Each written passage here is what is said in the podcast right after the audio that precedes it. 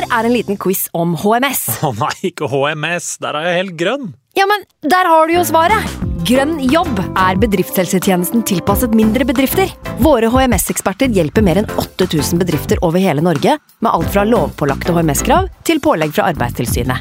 Få på plass bedriftshelsetjeneste på grønnjobb.no.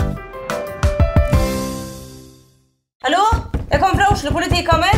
Ine Jansen er purk. Er du purk? The motherfucking bitch. Alt jeg vil, er å finne ut hva som skjedde med mannen min. Jon Carew. Er jeg sikta for noe? Iben Akeli. Det er du. Ole So, Lars Berrum og Big Daddy Karsten. Hvem sin side er du på, egentlig? Anette Hoff, Tone Danielsen, Kommer du fra Afrika? Jørnis Josef, Nesten. Kløfta. Trond Espen Seim, Det er synd å si det, men det var feil mann som døde. Purk. Premiere tirsdag på TV2 Play.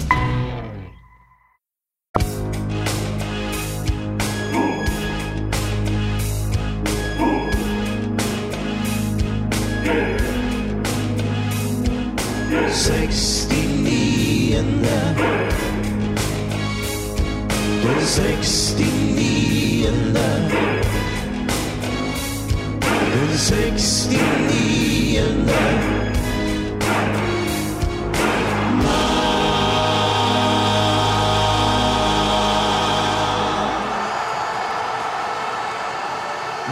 velkommen til den 69. mann. Vi er etter en heidundrende cuprunde klar for å komme i øret ditt igjen. Vi er superklare for å diskutere cup. Vi er klare for å snakke med gjest. Men uh, aller først uh, så må vi også si at vi har uh, starta en eh, aldri så liten fantasy-liga, og der fikk vi jo plutselig en idé om en internkonkurranse. Da begynte forslagene å komme inn om eh, hva Ja, det var ikke noe annet enn heder og ære til vinneren, men uh, taperstraff. Og vi tenkte vi må se litt på noen av forslagene vi kom inn før vi går videre, for å se om vi har vi kommet noe nærmere noe svar på det. kom jo litt uh, forskjellig, da. Uh, det var vel innom uh, å gå med trøya til, til laget som du hater, da. Ja, det skjer jo, det skjer jo ikke. Det, skjønte, det, det viser jo lekkede dokumenter at det skjer jo ikke. Nei, lek, jeg vet ikke hvordan de kom på avveie, men eh, Ja, ikke sant? ja. Men eh, det hadde vært artig å sette deg i Lillestrøm-drakt, det hadde. Og Ja, Frank men jeg hadde ikke, du hadde ikke sett det uansett. Men det var jo, jeg prøvde å si av prinsipielle årsaker, så legger ikke jeg det i potten. Fordi selv en eh, blind høne kan finne korn. Så, og som snart eh, utdannet eh, teknolog, så vet jeg at det er en prosent sannsynlighet for at ting kan gå gærent, uansett hvor stor favoritt du er. Ja, men Så- du var jo så stor favoritt. Det var jo ikke måte på hvor eh, dårlig jeg kom til å være i fantasy. Så Jo, jo, men du må se på det sånn, da. At hvis noe er 99,9% sikkert, så er det rimelig sikkert. Men det kan skje. Det kan være noe jeg ikke har kontroll over. Ikke sant? Nei, jeg- det som er skum- det er så skummelt her, er hvor komfortabel han Jonas er med å måtte gå i Molde-drakt. Ja, men jeg vet at jeg ikke taper. Så det, det er ikke noe problem for meg å være med på den konkurransen der. Han Jonas er blå. Mm, ja. Veldig. Han, han er allerede og satt opp et sånt eh, ganske dårlig fancy-lag, for han har lyst til å tape den her. Jeg har ikke gidda å sett på den engang, for jeg trenger ikke gjøre det ennå. Dere sitter og stresser allerede med å ha en Bård Finne og ja. Men uh, det har kommet flere forslag, da. Uh, heldag med Børre. Mm. Den, Det er jo- Det er jo i hvert fall en dag du aldri glemmer. Ja, det er en dag jeg er litt mer skeptisk til. Å gå på Bjerke og bondegårder, nei, det vil jeg helst ikke være med på. Um, Episode 7, sesong 19 av Home and Away, når du kommer hjem fra, fra vann. Får jo- får jo burger fra Mækkern, da. God ja, dag. ja, det er godt. Det er det. Uh, Tatover vinnerens favorittlag, altså klubblogoen. Der har jeg tenkt litt. Jeg er åpen for tattoo. Mm. Eh, taperen kan f.eks. Uh, tatovere den 69. mann på skinka. Eh, Jeg er, ikke, jeg er ikke fremmed for det. Da snakker vi mer sånn straff som svir, og som jeg prinsipielt kan bare se for meg her i potten, selv om jeg er ikke jeg som kommer til å tape. Ja, hva Nei, tenker jeg, du, Frank? Jeg tror du blir å kle den tatoveringa, Jonas. det er i hvert fall jævlig mye skinke å ta av, da. Mm. Så kan det hende han drukner i alt annet der. Um, ja, ellers så er det det, det er jo den derre kjøpe og bli tatt bilde av i Molde-drakt. Den har jo gått igjen eh, litt her, da. Men eh, skal vi ha den eh, Skal vi ha den litt åpen, eller å være åpen for, innslag fra lyttere? Ja, jeg tenker at vi, vi trenger ikke å ta en avgjørelse på hva straffa blir, men vi kan i hvert fall si at det, det blir en straff, og den skal svi såpass til den som taper at det, det, man kjenner på den. Men Sånn som du eh, vi, kan, vi kan ta tida fram til i hvert fall fristen, tenker jeg. Fantasy-fristen før vi bestemmer det. Så kan gjerne komme med flere forslag på det. altså. Er vi åpne for flere, i hvert fall? Mm. Så send det. det Send det til oss i, på en av våre sosiale medier, så på Twitter eller på Instagram, eller ja, om man har lyst Facebook, eller til og med på e-post, hvis man absolutt eh, har lyst til å gjøre det. Men send forslag om man har. Så, eh, men eh, skal vi gå videre, da? Ja. Eh, Vi har jo selvfølgelig fått gjest. Vi har som alltid eh, lyst til å ha et sånn supporterfokus i podden. Og så innimellom så er det sånn at vi har hatt litt bonusepisoder med litt eh, trenere og, og, og sånn, og det er artig det. Men det morsomste er jo å prate med likesinnede menn fra andre lag, egentlig. Og det, eh, det er vi tilbake med det i dag, og det er deilig. Så eh, uten å si for mye, så kan jeg avsløre at eh, Eh, gjesten er da selvfølgelig fra Drammen, for det er Godset som er i fokus, uh, skal under lupen i uh, dag. Vi må rett og slett få slippe gjesten til ordet også, tenker jeg. Så uten å si for mye mer, i dag har vi med oss Kim Underberg Rolund. Velkommen. Tusen takk for det. tusen takk for det. Vi har jo ikke snakka sånn altfor mye, du og jeg, så og det gjelder kanskje noen andre av våre lyttere. Så vi kan jo starte med å gi en sånn kort intro av deg selv. Hvem, hvem er du? Hvem er liksom Kim? Nei, Kim Unnberg Olund, eh, 30 år fra Svelvik. Bor i Drammen. eh, Jobber i Drammen på Drammen havn. Det er jo en jobb som krever mye tid og fritid, for å si det sånn. Eller ikke fritid, men uh, vi jobber jo døgnet rundt, da. Det er ikke, det er ikke noe A4-jobb, eller 7 til 3, for å si det sånn. da. Ja, så du, du, er, du er ikke fra Drammen, og jeg vet ikke forskjellen på Drammen og Stelvik? men eh, Kort fortalt, eh, nå som Viken har tatt over, så er uh, Svelvik en del av Drammen. Men før var det en del av Vestfold, da. Det ligger ca. 20 minutter unna Drammen. ja. Der gikk jeg både på barneskole og ungdomsskole. For jeg gikk på videregående i Sandova.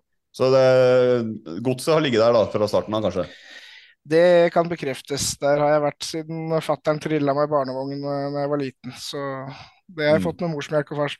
Så, hvordan eh, var det Du sier fattern eh, som trilla deg rundt, eh, men var det han som eh, tok deg med på match, eller hvordan starta dette kjærlighetsforholdet som da utvikla seg til å bli til Strømsgodset?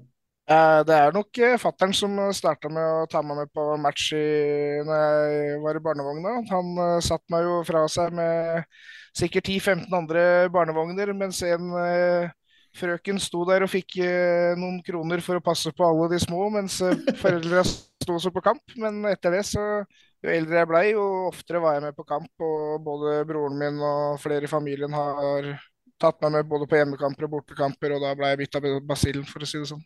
Hvis man, eh, hvis man har sett deg på, på Twitter-maskinen, så har man kanskje sett at det er et bilde av deg der hvor eh, du står med arma ut eh, med ryggen til eh, banen. Det er vel på Intility, hvis jeg ikke tar helt feil, det profilbildet der? Det stemmer. Ja, eh, så da, det gir jo kanskje et lite hint da, om at du ikke er akkurat den som sitter eh, på eh, familietribunen eh, når du kanskje er hjemmekamp, men eh, du kan jo selv si, beskrive deg selv som supporter. Ja, som supporter så har jeg jo vært med i ganske mange år. Eh, har vært i, blei kalt inn til styret i supporterklubben.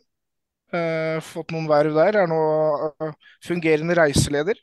Mm. Eh, og reiser jo land og strand rundt for å se um, vårt kjære Strømsgodset. Eh, og er litt overengasjert i tribuneliv, så må du sikkert se på det bildet. Mm. Så bidrar både med å hjelpe Capo og det som er, til å Blant en av forsangerne, da. Så jeg bidrar til stemmen ryker og litt til. Ja, så eh, det høres jo litt ut som Drammen Drammens svar på Frank, egentlig. Bortsett fra at jeg ikke går i baris. Ja, eh, Godset eh, har jo tydeligvis vært en stor del av eh, Har jo stor plass i livet ditt. Da. Det er jo både verv og er på turer og sånne ting. Men hvordan påvirker Godset hverdagen din sånn til vanlig, både offseason og i, i sesong? Ja, det vil jo være å ljuge hvis jeg ikke sier at jeg ånder og lever for den klubben. Eh, det tar mye tid eh, innimellom, både på jobb og nattestid og det som er. Eh, jeg har jo prestert å bli blokkert av noen i klubben pga. jeg glemmer at når du kommer hjem fra en containerbåt 0414 og sender tekstmelding og spør om antall solgte sesongkort, så er ikke det et klokkeslett dem ønsker å få en tekstmelding på. Så nei da, det er overengasjert, det vil jeg påstå at det er. Mm. Nei, det er jeg, ser ikke, jeg ser ikke problemet. Jeg syns eh, du skal, skal skaffe deg et nytt nummer og begynne å sende veldig flere meldinger. jeg, jeg er ikke blokkert lenger nå. Og du er ikke det, nei, da får du åpne opp igjen. Nei, men eh, da har vi kanskje fått prata Det er kanskje ikke deg du liker å prate mest om, så kanskje ikke eh, overdumpe både deg og de som gidder å høre på med et så dybdeintervju. Vi skal snakke litt mer om Strømsgodset eh, seinere. Det er du alltid klar for? Det er jeg klar for. Det er ja. derfor jeg er her. Det, det, blir bra. Vi gleder oss til å få litt sånn status, og det har jo skjedd mye der. Men vi kommer som sagt tilbake til det, fordi vi må eh, innom, eh, innom cupen. Eh, vi hadde en cupspesial, det var gøy. Vi tippa, vi traff på noe. Bomma på en del også. Men uh, rett og slett så er vi bare nødt til å, å se status, fordi de åtte oppgjørene har eh, blitt spilt. Vi gikk jo gjennom Glimt uh, litt i episoden med Kjetil Rekdal. Uh, så vi skal ikke gå så mye inn på de, men de syv øvrige oppgjørene skal vi ta en kort gjennomgang av, sånn med å få oppdatert det, og se om det er noe om det er verdt å nevne. da. Så jeg kan jo bare sende ballen til deg, Jonas. Har har du det bra? Nei. Hvorfor, ikke, hvorfor ikke det? Nei, jeg hadde en tung natt. Slet med å sove. Um, vanligvis etter kamp så sliter jeg med adrenalin, men i går så var jeg jeg vil ikke kalle det adrenalin heller. Jeg var bare jeg var skuffa, rett og slett. Litt forbanna og ja. Jeg sovna i tretida i natt og opp klokka seks igjen. Så det var det var tungt. Men du hinter vel til at jeg skal snakke om Viking Rosenborg nå, gjør ikke det? Jeg, tenker det er ingen bedre uh, å spørre om kan gi en kort oppsummering. Nei, det er kanskje ikke det. Uh, de påsto på TV-en at det var en jevn førsteomgang, det sa vel du òg, Snorre, men jeg var ikke helt enig. Uh, satt med en følelse hele første omgangen at ja, det var kanskje litt jevnt, men hvor mange skuddforsøk hadde ikke Viking som ble blokkert innenfor 16-meteren av Rogers og Henriksen og Jensen? Altså, de var nære gang på gang, da, og Rosenborg hadde ingenting. Eh, så jevnt, det er kanskje tallene som viser at det var det. Men eh, satt med en feeling etter første omgangen at eh, her har Viking et ekstra gir. Det har ikke Rosenborg. Eh, Rosenborg fant ut at eh, her er det lurt å slå lange baller mot Ingasson og, eh, og Oskar Aga på E80 mot Brekalo og uh, Stensnes i Forsvaret. Det er kjempelurt, det. Eh, nei, det er ikke det. Uh, og når du ikke engang har altså Du har tre midtbanespillere som ikke vil ha ballen, og ikke evner å ha ballen. Og så er du faen ikke der for å vinne andre ball engang heller. Uh, Markus Henriksen han har ikke sett spesielt bra ut i preseason. Går han helt fryktelig. Og så i tillegg så uh, Han, skulle, han laga jo egentlig straffespark som dommeren på en eller annen måte klarte å uh, ikke se. Men Åge Hareide mente at dommeren var veldig god førsteomgangen, selv om begge lag var snytt for et straffespark. Mm. Eh, Rosenborg hadde rett og slett ingenting å by på. Eh, Diag Di Agostino på topp til Viking. Han, eh, bare for å nevne han, han kommer til å lage veldig mye ubehag i forsvaret til andre eliteserielag i år. Det ser ut som et ordentlig spissfunn. Eh, og så presterer jeg å skrive på Twitter at jeg tror ikke det blir så mye spilletid på Salvesen i år, jeg. så skårer han to minutter etterpå. Han var vel inne på banen i to minutter før han eh, kontra inn etter at nok en Rosenborg-spiller eh, ikke klarte å eh, ta vare på ballen. Nei, det var, jeg var skuffa over Rekdal òg, som ikke gjorde det jeg ville. Etter, jeg etterlyst Jeg har jo nevnt tidligere på Rosenborg da, at de har vært mye bedre i 3-4-3 i vinter. Men de fortsatte i 3-5-2, så ja, jeg, jeg veit ikke hva jeg skal begynne igjen, men det, det er mangel i Rosenborg-laget på midtbanen. og det jeg tror ikke å svartmale alt helt heller, for med en Carlo Holsing som, med en midtbanespiller som klarer å holde på ballen, og Olaus Skarsheim, så ser ting litt annerledes ut på midtbanen. Da. Det gjør det jo. Men i går så har du tre stykker som egentlig er som uh, Leo, best uten ball. Og da blir det, da blir det fryktelig tungt også. Spesielt etter at uh, Tobias Børke gikk av, så um, så har du egentlig tre, uh, ja, tre spillere som er best uten ball. Jeg, jeg føler det var litt symptomatisk for Rosenborg var når uh, han gikk for supertaktikken å sende Henriksen opp på topp, da, da, da, da skjønte jeg at det er, nå, nå begynner det å bli eh, desperate tider her. Men han var beste spissen i går. Ja, ja, men uansett, det har vært prøvd før i landslagssammenheng, og det gikk ikke superbra da heller. Per-Mathias Høgmo var jo forut sin tid, men da, var det, da ga det i hvert fall mer, mer mening å slå langt, da, når du hadde han der. Altså da, Han vant jo et par dueller, og det ble farligere på andre baller med en gang. Men eh, eh, Og så tror ikke jeg planen til Rosenborg var at de skulle slå langt mot Brekkalo. Det var gjerne kanskje at de skal slå forbi forsvarerne til Viking, og så skal spissene til Rosenborg jage på de kulene. Og det er i og for seg en god taktikk når det starter en fotballkamp på bortebane. Men de stoppa jo aldri å gjøre det. Uh, og i preseason så har jeg tidligere vært inne på at Rosenborg har sett mye bedre ut i frispillinga bakfra, men i går så spilte de jo faen meg med dødsangst alle utpå der. Det var ingen som ville ha ballen, så det var to-tre pasninger, og så nei, nå, nå gir vi bort ballen igjen. Nei, men øh, Og så er det alltid spørsmålet er det Viking som gjorde Rosenborg god, eller omvendt. Eh, jeg tror faktisk at i kampen her så var det Rosenborg som gjorde Viking mye bedre.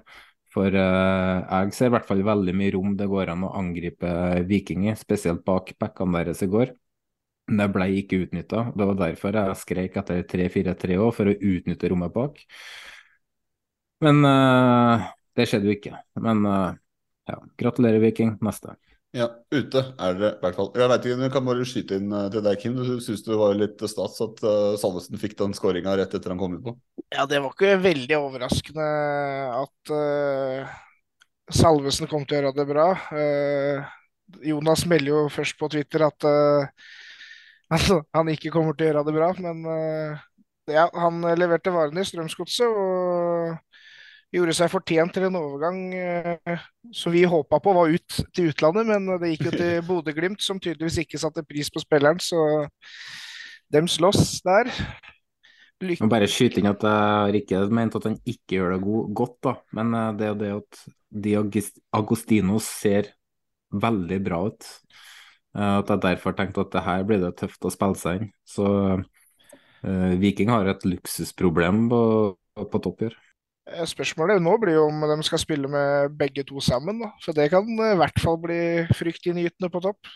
Nei, Jeg er enig i det at uh, han så, han så fresh ut, han uh, Diagostino. Altså. Han gjorde det, altså. Så får Det vi se, trenger da. ikke bety han kommer til å skåre så veldig mye mål heller, Nei, nei, men det er det at han hele tida går på løp, truer bakrom, går i dueller, kommer imot, skal balle beina, alltid i bevegelse. Mm. Da må du som forsvarsspiller hele tida kikke over skuldra, da. og da blir det ubehagelig å være forsvarsspiller kontra en som står i ro. da. Og Sånn sett så tror jeg at han kan gjøre Viking mye bedre, og sånn sett så ligner han jo og litt på Veton Berisha òg, som var en litt samme type i Viking.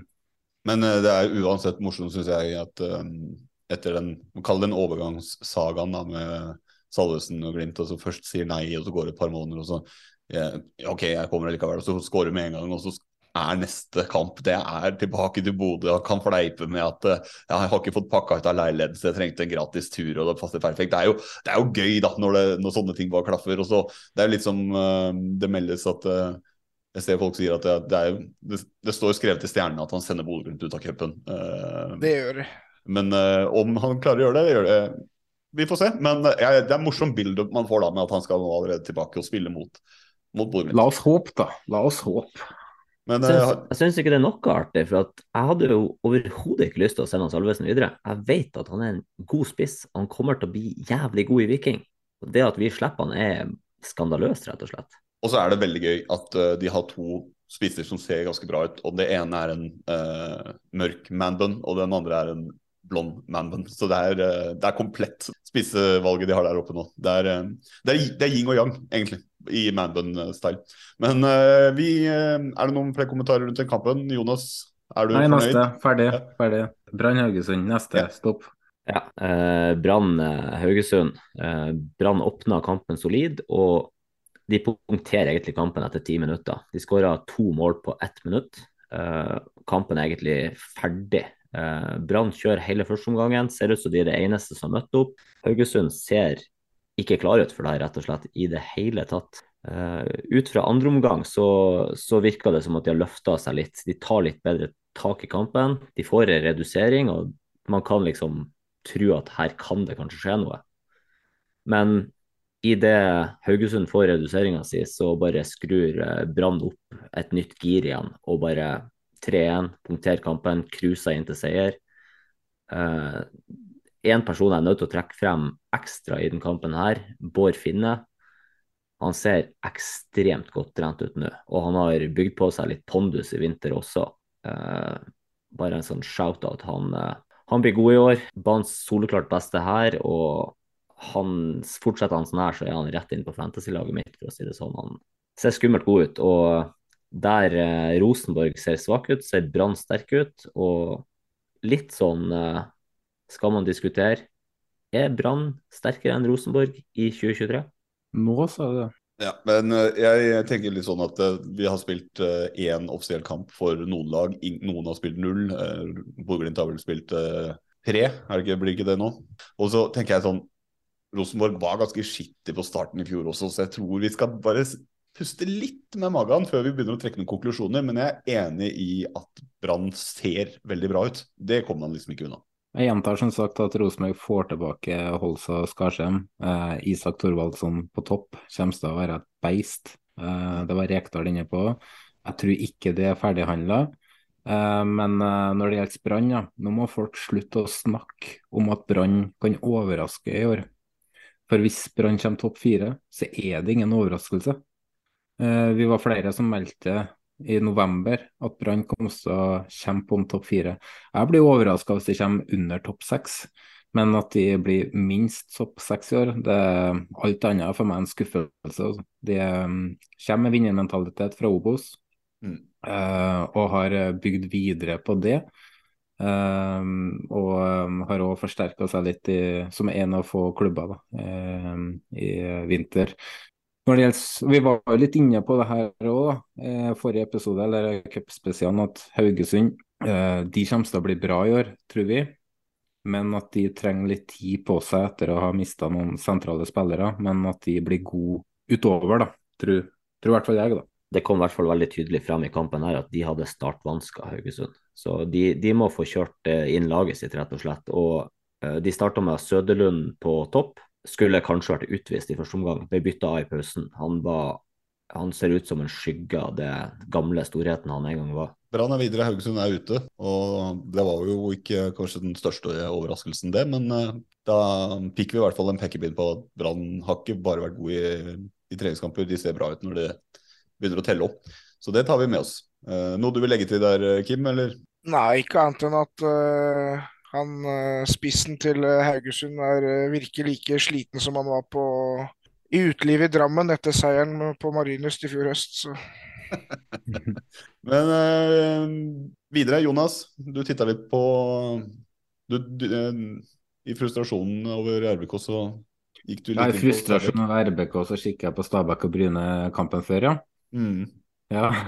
ja, men sånn, du, du, valgte å fordype deg litt i ja, nei, ja, det, vi trenger ikke Vi skal ikke bruke for lang tid på hver kamp her, her heller. Men uh, det ble jo overkjøring nå med en uh, eh, 5-0-seier. Uh, minst divisjonsforskjell på lagene. Men jeg har lyst til å snakke om uh, nummer 69, vår egen Kasper Høeg, som setter inn to kasser i sin første kamp for offisielle kamp for Stabæk. Det, det, må vi jo bare hylle, da. Og sammen med Bakenga så Eh, får litt lengre tid på seg her, så tror jeg det kan bli en eh, sterk duo. En viktig duo for eh, Stabæk, da, som kan gjøre at når det kommer til Eliteserien, kan holde de oppe. da, Hvis de unngår skadetrøbbel. Mm. Men uh, Bryne var ingen målestokk her. og Det var ikke veldig pålitelig forsvarsspill på baklengsmålene heller, så det er lite du kan ta ut fra den 5-0-seieren, egentlig. Bryne ser ut til å være langt unna klar for seriestart, i hvert fall. Nå var det sånn at Kasper Høeg sa jo når han signerte at han kom til Norge for å skåre mål og treffe damer. Nå har han skåra mål, så da veit vi jo hva som Garantert truffet damer, altså. Garantert. Ja. Men nå veit vi i hvert fall at det, det er ikke måla det står på. Så, men eh, det, var, det, var jo litt gøy å se det der 69-tallet på ryggen. Og han fikk sett inn det måla jeg fikk se på oppsummering i går. Det er, det, det er gøy for oss, da. Denne, denne poden her spesielt, som sendte han usett uh, til 69-himmelen. Uh, og, han gjør en vandrende reklameplakat for oss. Så kanskje vi kanskje nesten få han inn uh, i poden en gang. En dansk, da. Ja, da dropper vi det. Nei da, vi, vi, vi, vi tar det på engelsk. Men uh, ikke så veldig mye mer om Stavik-Bryne. Uh, Men uh, jeg um, må jo nevne Skeid MFK, eller som NRK likte å si, Lyn Molde. Det ble jo Det var ikke bare én gang, det var flere ganger hvor kommentatoren kalte Skeid for Lyn. Det egentlig oppsummerer vel egentlig hvorfor vi følte vi trengte en cupspesial kan man si.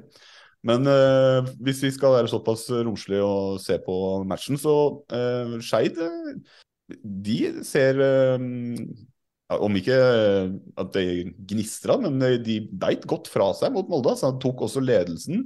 Markus Melkjord, som rett og slett omtrent ikke har matcher i beina fra preseason, har vært litt eh, skadeplaga og sånn, kommer inn og klinker den i nota etter 18 minutter. og det vi var inne på det at det var liksom der eh, sjokket skulle, eller bomba skulle komme, men så svarer Molde ganske raskt minuttet etterpå og tar liksom ting i vater igjen. Men uh, de yppa seg hele veien, og før Molde måtte kanskje viste at det var forskjell på laga, så, så ble vel også Skeid egentlig snytt for et straffespark. Eh, man veit jo aldri hva det ville ført til. Kunne jo smelt den over, eller Vi sitter jo ikke med fasit av den grunn, men man veit aldri. Kanskje Molde hadde blitt litt stressa hvis den hadde gått inn. og sånne ting. Men uh, alt i alt så er rapporten i hvert fall at uh, Skeid ser ut som at de i hvert fall er på en bedre plass nå enn det de var uh, i, i fjor, kanskje, på samme tid. De har tatt noen steg i, i, vinter, og det er lovende for de. Og så er det jo selvfølgelig greit for Molde sin del å, oppskriftsmessig ta seg videre selvfølgelig da på en kanskje ikke altfor enkel bortematch allikevel. Den første match for sesongen. Så det ble til slutt 3-1 til Molde. Eh, og da slapp de disse ekstraomgangene med, med ekstraomgangavgift, av, av som eh, daglig leder i Skeid hadde flagga og klarte å lure noe på kroken med. Men eh, alt i alt så bomma vi vel på tipset men vi, i cupspesialen, men det var jo selvfølgelig pga. et snytt straffespark, vil jeg tro. da. Vi ble, vi ble snytt for å ha truffet på det tipset. Definitivt. Men, tipset der har gått inn hvis Skeid har fått det straffesparket der. Ja, det er det jeg mener. Så, men vi kan jo liksom ikke, er, vi kan ikke gjøre noe med at dømminga ikke går vår vei. Vi kan ikke fokusere på sånne ting når vi setter tips. Nei, men eh, det var ingen som hadde noe å tilføre om uh, den kampen, så da kanskje bare kaste ballen tilbake til deg, Jonas. For du, du har prata litt om Sandefjord, du. Ja, vi var inne på det cupspesialen nå, at uh, Sandefjord er langt bedre enn hva vi antok tidlig i, eller, i første episode, hvor vi sendte i nord og ned. Det var rett og slett overkjøring i første om, omgangen der. Eh, og um, Al Saed og Jakob Dunsby på sidene. altså de, det Apropos fantasy, det er bare å merke seg navnene. Ruud Tvete på topp, utrolig god feilvendt, åpna målkontoen. I tillegg utrolig bra i presspillet. Og vi har jo snakka med noen Sandefjord-supportere som har snakka om at de har jobba veldig intenst med det høye presset i preseason, og det så vi jo her. Det straffa jo Odd gang på gang og kontra de i senk. Og Odd, altså det er mange som snakker veldig varmt om eh, de. Jeg er ikke like optimistisk på deres vegne etter at de mista Bjørtuft eh, bak der. De ser ordentlig shaky ut. Nå starta de med Steffen Hagen på benken nå, da. Det har jo kanskje litt å si. Men 4-0 eh, også etter eh, omtrent en halvtime. og På det tidspunktet så hadde de 9-0 i målforskjell på sine tre siste omganger i Drammen kommune. For de knuste jo godset 5-0 i fjor. Uh, men også, også, i tillegg da, så har de jo Komson og Daddysboy i bakhånd. Og er det én ting, en ting som uh, Hans Erik Ødegaard, pappaen til Martin, har lyktes med i Sandefjord, så er det at kantspillerne de skinner. For to år siden så hadde vi Jonsson og Kristoffer Nordmann Hansen som uh, dominerte på sidene. I fjor så hadde vi Ofkir og til dels uh, ja, Daddy's Boy. Og nå så får han fram to nye kantspillere i Al-Sayed som er henta fra nivå tre i Sverige. Og, Daddy's, nei, og Jakob Dunsby, da, som har uh, egentlig lokal, men som har vært og spilt litt i Finland, har vært i Fram Larvik, vært i Egersund på nivå tre i Norge, og nå skal han herje i Eliteserien. Så um, blir ikke overraska om Sandefjord er å snuse på en eh, tiendeplass og uh, kanskje oppover på tabellen i år, for det ser ordentlig samkjørt ut. Mm. En fun fact der er at uh, Jakob uh, var på treningsopphold uh, med Strømsgodset for et par år siden. Det er mange lokale fra Vestfold som har vært og snusa litt borti, borti Strømsgodset. Spesielt fra Tønsberg, faktisk. Så det er veldig mange som har vært innom akademiet, blant annet. Ja, han gjorde det faktisk ikke så gærent på treningsleiren, men jeg tror han hadde noe skade, at han blei skada på denne treninga, eller at uh, den valgte å gå videre med Markus Mølvadgård, som kjempa om samme plass. da. Hvis jeg ikke tar helt feil, så tok vel Tor Todesen over en finsk klubb og henta Dunsby der, hvor han fikk litt spilletid på øverste nivå i Finland. Men mista vel kanskje plassen, hvis jeg ikke husker feil, da, når eh, Todesen var ferdig. Men uh, det er jo artig da, med sånne spillere som uh, Uh, slår gjennom litt seinere enn andre, da, som går den litt harde veien. og Folk gir kanskje opp spillerne, og så kommer de ut fra intet. Så det er moro. Flere norske talenter trenger jo å se og lære der, da. Det er jo altfor mange unge talenter som må bli solgt, eller prøver å bli solgt til O store utland, eller akademier osv. i altfor ung alder. Mm. Man uh, trenger ikke å levere uh, som Martin Ødegaard som 16-åring for å havne i utlandet. Det kan ta litt lengre tid, og du ser på Pellegrino.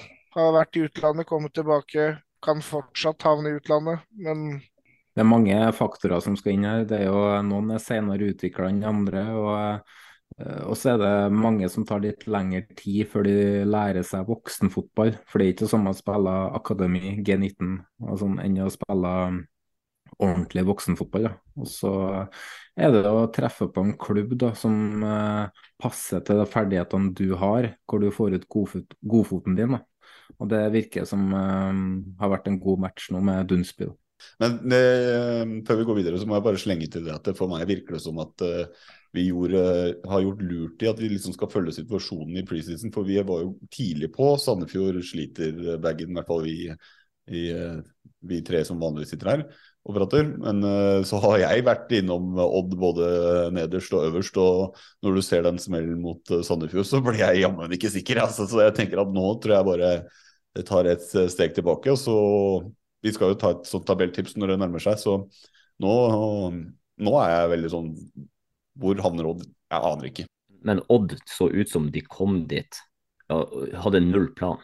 De var naive i hvor de satte backlinja si, de satte den opp på midtbanen. Enda de etter ett og to mål skjønte at her er det to kjappe kantspillere som kan springe fra oss, så stilte Odd fortsatt linja si skyhøyt.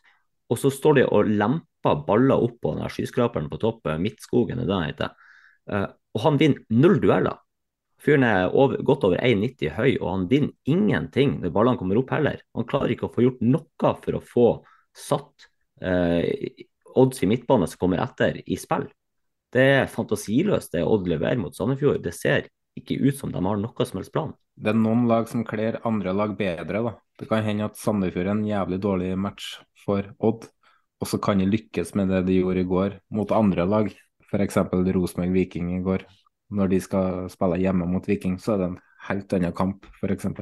Så bare for å skyte inn det. Vi, vi, må bare vente og se. Eh, nå er sesongen i gang, så, men vi får noen flere svar før vi skal sette hvert fall vårt uh, tabelltips. Men vi må, må videre før vi uh, cupen uh, er ikke det vi skal prate aller mest om. Så jeg må bare kjapt si at selvfølgelig så har uh, vi sett på Sogndal LSK også. Lillestrøm flaksa seg selvfølgelig videre, sånn som de alltid gjør. Nei, altså, det gjorde ikke det, men de, de slet jo kanskje noe mer. Men noe som jeg tror var viktig, er at de har fått i gang begge spissene sine. Vi snakka med Petter Myhre om det her, liksom, hvordan skal de håndtere dette Adams, Lene Olsen og Det var viktig for de å få i gang begge to og få maks ut av de, så de har lagt om litt for å få til det.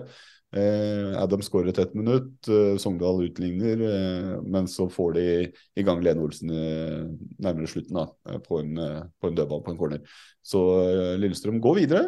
Selv om det kanskje ikke gnister av, så har de i hvert fall fått i gang begge spissene sine, og det tror jeg er viktig for dem. Fred til Sogndal, da, som virkelig gir LSK kamp helt inn til døra der. da. Mm. LSK var, var, jo ordentlig kynisk på slutten av drøya tid og brukt lå og vrei seg i smerte og brukt ja, var ordentlig kynisk. Eh, det er jo kred til Sogndal som eh, presser Lillestrøm til å gjøre det. Er Lillestrøm der de ønsker å være nå før sesongstart, eller har de mye å jobbe med? Jeg vil jo tro at de ikke er 100 fornøyd. Eh, man er liksom fornøyd med å gå videre, men at man ser at det var vel kanskje ikke det helt der vi håpa vi skulle være. Samtidig så, igjen, det er jo tidlig. Så jeg tror kanskje det er viktigere for de at de går videre samtidig som at de får i gang spissene sine når de har prøvd å legge opp til å spille med to. Har fått i gang dødballproduksjon igjen nå. Det er Gjermund Aasen som serverte eh, Lene Olsen. Gjermund Aasen var vel ikke på dødballer i fjor. Nå er han tilbake der, og det er et våpen som de kommer til å um, dra nytte av. De skårer vel ratt mot Strømsgods i første serierunde, dem da.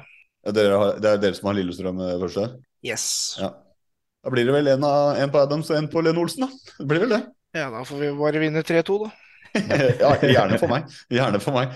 Men uh, vi skal ikke snakke for mye om eh, Sogndal LSK, fordi Frank, uh, du uh, titta litt grann på Start Tromsø, og der, og der gjorde du deg noen tanker? Ja, kampen var ikke noe sånn kjemperysere akkurat. Det var overraskende lite forskjell på lagene egentlig til at det er divisjonsforskjell på papiret.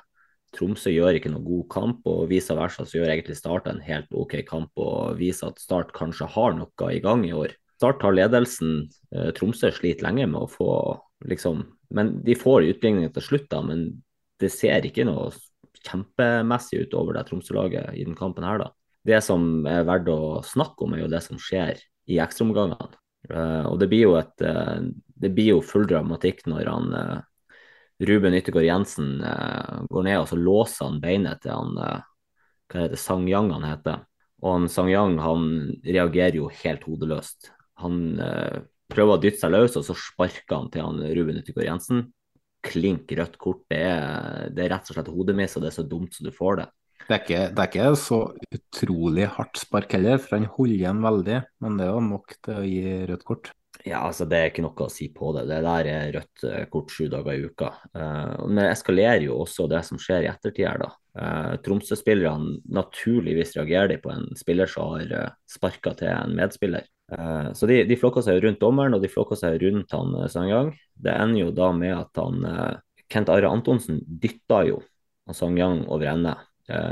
begge hendene. Og han Jostein Gundersen han har jo da vært oppe i trynet på dommeren og stått og uh, gestikulert og kjefta eller hva enn han har gjort. Det som skjer i situasjonen her da, er det at han, uh, Kent Are Antonsen han har gult fra før, men dommeren gir det gule kortet til han Jostein Gundersen. Enda det er Antonsen som dytta spilleren. Men uh, var, det her uh, får tilbake noen minner i mitt hue da, fra fjor er ikke egentlig direkte dytt rødt kort, da? Jo, tre, dag, eh, tre kampers karantene. Ja, men jeg husker det var en situasjon i fjor der en eliteseriespiller dytta en annen, og da ble det rødt. Og da, i ankesaken, så ble det vel avgjort at de på forbundet, i forbundet hadde ikke kompetanse til å avgjøre om det var riktig eller gærent, så da sto straffa.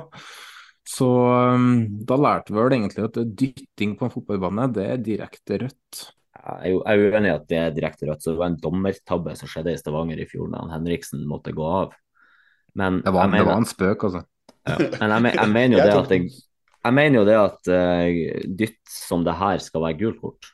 Ja. Uh, og det, det, skjer ikke. for Dommeren gir det gule kortet for munnbruk til han Gundersen, mens han uh, Antonsen han slipper unna gult kort. Enda dommeren står en meter unna og ser dytten. Ergo så må da Start spille med ti mann siste ekstraomgang, mens Tromsø får lov til å fortsatt være elleve mann på. Så var det vel snakk om noe ankesak der skulle leveres i dag. Start har trukket den ankesaken etter at det har kommet frem hva grunnlaget for det gule kortet var. Jeg mener jo bare det er ekstremt dårlig dømt av dommer å ikke se den dytten, da. Det er fake. Ja. Han ser det jo. Han veit hva, hva han egentlig skal gjøre, men han tør ikke å gjøre det. Det er, jo... det, det, det er fake, og så er det jo Nå vil ikke jeg snakke om varer nå, men hvordan ville VAR grepet inn? Ja, det må være direkte rødt. Mm. Det kunne ikke gripe inn på. Kan de ikke gripe inn på et andre gule som kan ja. føre til rødt? Kun direkte. Ja, ok. Så her vil rett og slett dommeren rette seg ut uansett og stå som en tufs etterpå. Ja.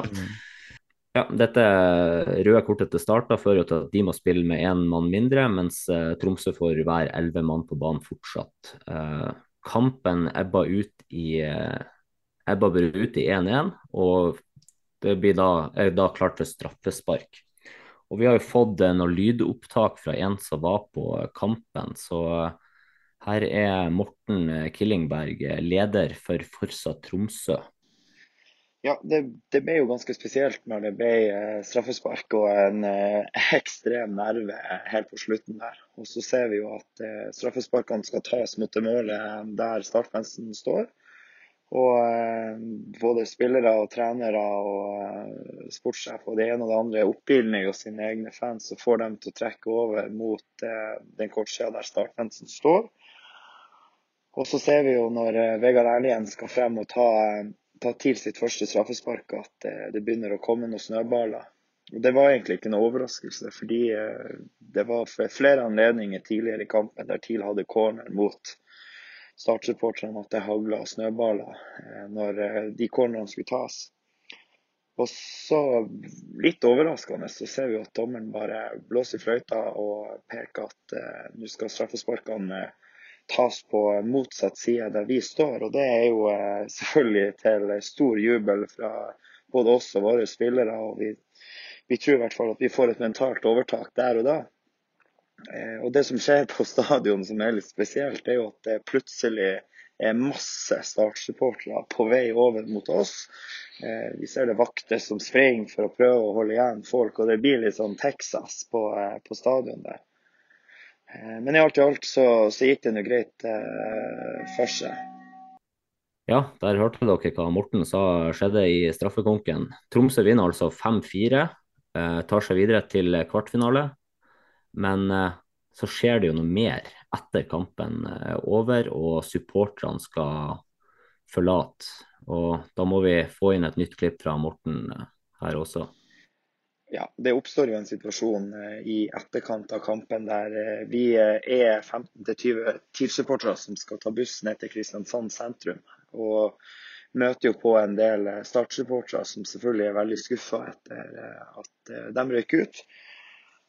På det busstoppet så er det jo en, en ungdomsgjeng da, som er virkelig all in for å skape bråk og, og egle til et eller annet. Men heldigvis så er vi nå fornuftige, oppegående eh, TIL-fans som er på tur, og vi lar oss jo ikke bite på. Men det kommer jo en, en god del retta mot eh, samer og, og joik og eh, iglo og reinsdyr, og tydelig hva fokuset deres var eh, på hvordan de skulle klare å provosere oss.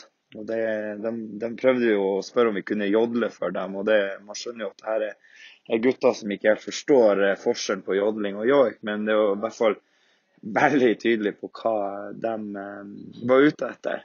Jeg tror ingen der og da følte eh, noen form for rasisme eller trakassering, men, men det er jo ganske alvorlig når man vet at samehets er et, dessverre fortsatt et problem i samfunnet i dag. og det er noe vår klubb TIL jobber veldig sterkt mot eh, å, å, forkjempe. Så det, det, er jævlig synd at det, vi skal reise rundt og oppleve det. Men skal det sies at det har ikke vært et stort problem for oss på, på andre plasser. Men eh, akkurat her så ble det en liten situasjon eh, rundt det. Ja, som, man, eh, som Morten beskrev her, da, så er det jo eh, snakk om en eh, situasjon som skjer Eh, der det er unggutter som tøffer seg. Det er hetsing, og det er, ja, det er rett og slett uh, ufint. Jeg skjønner egentlig ikke hva, hva de guttene tenker med, og jeg syns det der er en uting i, i, fotballen, rett og slett. Jeg vet ikke hva dere tenker om det Morten nettopp sa. Vi, vi snakka litt om det når vi drev og planla denne episoden her også. Jeg tror jo at det er litt sånn som jeg, jeg, håper jo nesten litt at det går på uvitenhet. fordi jeg, jeg vet ikke. Men uh, da må vi drive opplysningsarbeid. Hva tenker du da, Kim? Nei, altså Samehets uh, har vel egentlig ikke noe med fotballen å gjøre. Verken uh, på eller utafor banen. at man slenger med leppa og er sur og grinete etter et tap, det har vi alle gjort. Men det er jo det er jo enkelte ting som ikke trengs å nevnes, da. Uansett hvor sur og skuffa og bitter man er. Det, både det og rasisme, det er sjelden en god ting. Og samhets går vel rett under det. Det handler om én ting, nå, det er å stikke der det er gjør vondest. Jeg tror ikke tromsøværing tar seg nær av eh, samehets i den grad at det mest sannsynlig ikke var samer på kampen. Det hører jo ikke hjemme på fotballbane, verken det eller rasisme generelt eller andre fordommer. Det er jo um... Her viser jo bare at det her er en gjeng med dårlige tapere. Og det at de faktisk eh, drar de kortene de drar, det er jo, er jo er på grensa til rasisme. Altså, mange vil karakterisere det som rasisme, det de kommer Mm. med. Det er nettopp det. Eh, Men å vinne en fotballkamp skal ikke kvalifisere til å måtte oppleve det. Og det er kanskje man ikke tar seg nær av det, men det er ikke poenget. da. Så det er lov å slenge med leppa og kjøre stikk mot hverandre og alt mulig. Eh, Vi må bare passe på hvor skoen trykker, da. Jeg syns jo at eh, banter og den slags er helt nydelig, Eh, men vi må passe på at det er litt kvalitet på det, i hvert fall. Det må liksom ikke bli så lavmål at vi går på, på ting som kan oppfattes som rasisme. Jeg er enig der. Vi har en eh, situasjon til i kampen, da. Ja, jeg, vil bare, jeg vil bare slenge inn en siste ting. og Jeg tror også at uh, Det som er synd, er at eh, det er noe man må deale med når man har vært på cuptur. Uh, og det er noe man sitter og At vi, egentlig vi sitter og snakker om det. Så det er, ja, det, er det blir dumt, hele greia. Men uh, ja, Jonas, du hadde noe, en annen situasjon. Ja, vi hadde jo en snøballkrig ute på banen nå. Ja, det hadde jo, uten at jeg fikk det med meg, så skjedde det vel òg mellom eh, Haugesund og Brann. Men jeg forsto det sånn at der var det litt mer humoristisk, litt sånn før kampen. Hørte jeg i en podkast i dag, så jeg eh, Men eh, det så ikke jeg, så det skal ikke jeg uttale meg så mye om. Men Og det, det, var, det var ett tilfelle det ble kasta snøball mens det var en spiller som lå nede i feltet, men snøballen traff rett ved sida. Ellers så var det snøballkasting rett før andre omgang skulle starte og bare ut på banen mot han Selvik fra Brann-supporterne. Ellers så var det ikke noe der. Men så har vi en situasjon eh, som Morten er inne på, eh, før eh, Erlind skal ta første straffespark, der det blir pælma snøball mot han. Ja. Eh, Erlind skårer, og så bryter dommeren av, og eh, de må bytte side og ta straffesparkene på der Start-fansen, nei unnskyld, Tromsø-fansen eh, står da. Og da ble det jo litt diskusjon har dommer rett til å gjøre det der. Eh, og er det for sent? Eh, var det bra løst? Hva tenker dere om det? Jeg har ikke, jeg har ikke sjekka opp i om regelverket sier at han lovte det eller ikke, men jeg tenker bare det at når du er så idiot at du står og kaster snøballer under en sånn, så da, da har du tapt den retten du vant med myntkastet. Jeg syns det er godt løst av dommeren, egentlig. Men hvis dommeren mener at det går på sikkerheten til eh, spillerne òg, så tror jeg han har retten på sin side. Og så er det jo som Jonas Frank eh, har tenkt å si, det, at eh, det er jo jævla dumt å uh, sørge for at når laget ditt endelig kan spille mot dere, så misbruker du den muligheten til å forære motstanderen en seier. Det er noe som heter karma, da.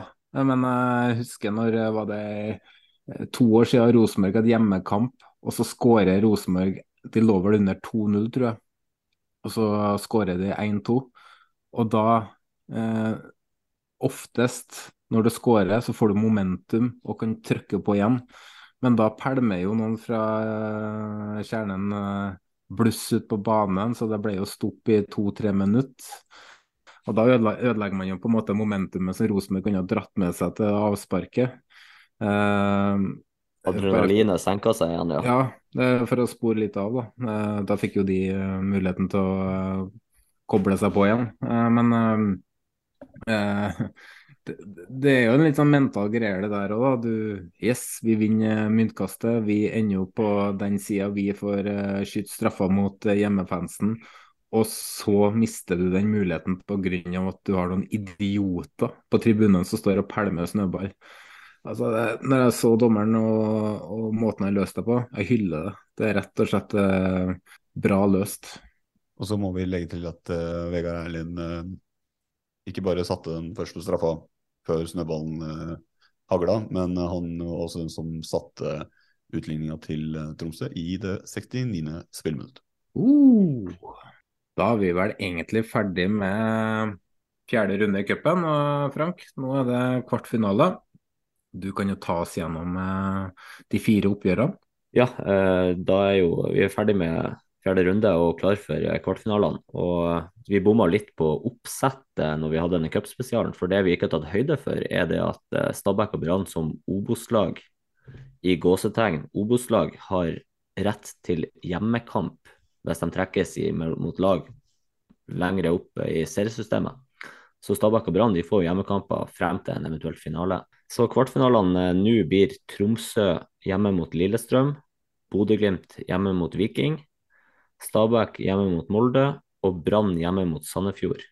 Og som jeg nevnte her, eh, er det rett eller er det galt at når vi er kommet så langt som en kvartfinale, er det rett eller galt at et Obos-lag skal ha en fordel overfor et eliteserielag hvis det er trukket motsatt vei? Isolert sett så tenker jeg ja. Men uh, for det syns jeg Jeg, jeg syns alltid det er kult med en uh, cup uh, Askeladd. Jeg syns det er Det er større sjanse for god tilstrømning på tribunen hvis et Obos-lag har hjemmekamp. Problemet nå er at det her er jo cupen 2022, og ikke 2023. Ergo så er jo Stabæk og Brann per nå eliteserielag. De er rusta opp for å spille eliteserie. Uh, så da blir det mine øyne feil. Men isolert sett så syns jeg det er greit at uh, Obos-lag får hjemmekamp i kvartfinale. Tenker du, Kim? Nei, jeg er egentlig ganske enig med Jonas akkurat der. Eh, men eh, er du skikkelig uheldig, da, så kan du jo faktisk ved å møte Obos eller dårligere motstand hele veien, faktisk stå som lag med kun bortekamper eh, helt fram til en finale. Mm. Da har det òg vært heldig å møte bare Obos-lag òg, da. For så vidt. Strømsgodset hadde vel hadde vi ikke lignende i 2021-2022-cupen. Og vi spilte vel bare bortekamper fram til vi møtte var ikke Molde i semifinalen, Eller kvartfinalen. Ja. Så vi hadde jo bare bortekamper, og da var det jo naturlig nok Molde som ble trukket til en hjemmefordel. mm. Tilfeldigvis. Eh, ja, tilfeldigvis. eh, den kampen skulle vi ha vunnet etter at uh, Molde skulle fått rødt kort etter 23 minutter. Men uh, det var jo tilfeldigvis ikke noe dommeren så det heller. Så. Nei, tilfeldigvis. tilfeldigvis. Molde hadde vel hjemmekamper hver uh, kamp ut av de trukne frem til finalen i fjor. De hadde vel Odd og hjemme før de møtte dere. Og... Derfor men, vi bruker jeg... ordet tilfeldigvis.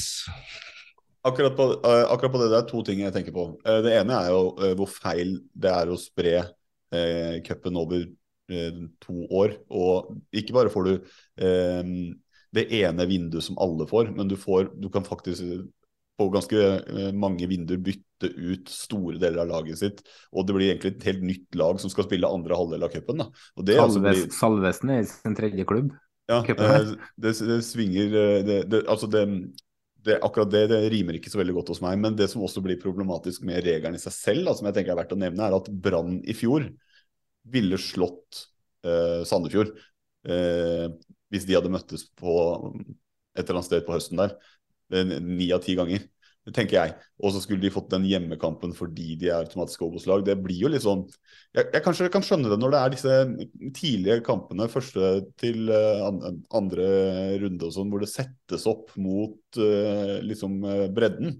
da er jeg med på det, men etter det så bør det være kanskje altså, Det er ikke så stor forskjell da, på øverst i Obos og nederst i Eliteserien at eh, det nødvendigvis er et argument. da. Selv om jeg skjønner hvor tanken kommer fra. Jeg er helt enig med deg, Snorre. Jeg mener at første til fjerde runde er helt greit at det er oppsett, men jeg mener at når det kommer til en kvartfinale og det er åtte lag igjen, det er kun åtte lag igjen, da mener jeg det at da er trekninga som skal gi grunnlag for hvem som har hjemmekamp. Ikke, mm. Da skal det ikke være noen fordel lenger. Da er vi, det er nytt. Det er nytt, det her, ikke det? Jo, det er nytt, men vi er to kamper unna en finale. Da er det såpass langt ut i cupen at da skal det faktisk være trekninger som ligger til grunne. Det skal ikke være noe sånn ja ja, men Brann, de kjæledeggene eh, nå, så de skal få hjemmekamp. Og Det er ikke noe, er ikke mot noe, brann nødvendigvis uh, brannhat her. Jeg vet at De har spilt en god del kamper borte på rad uten å ha eneste hjemmekamp i cupen også. Så det er sikkert kjærkomment for de å få disse hjemmekampene og cupengasjement i Bergen, så vidt jeg har forstått det riktig. Men sånn prinsipielt så syns jeg det, det, det, rimer ikke helt, altså. Med... Men, men Brann var faktisk trukket til hjemmelag, så jeg kan egentlig gå tilbake på uttalelsene mine, for det, det, det laget som har mista en hjemmekamp, er egentlig Molde pga. Okay. Stabæk. Så, så da, er driter jeg vi, da driter vi egentlig i diskusjoner Ja, men da har jeg alltid ment at den regelen er knall, altså. Ja, helt, en- helt enig. Så, nei, noen som har noe å legge til? Kim, har du noe, sy- syns du regelen ble, plutselig ble knall når Molde er de som lider? Da er det naturligvis knall. Neida, men det er en interessant diskusjon, og kanskje vi kan se på det mer seinere hvis, det- hvis det skulle få noen uh, rare utslag eller noe sånt. Men eh, vi, uh, cupen tok selvfølgelig litt mer tid, men eh, se på det som eh, vår gave til NRK. Ja, når de ikke tar ansvar sjøl, så må vi gjøre det.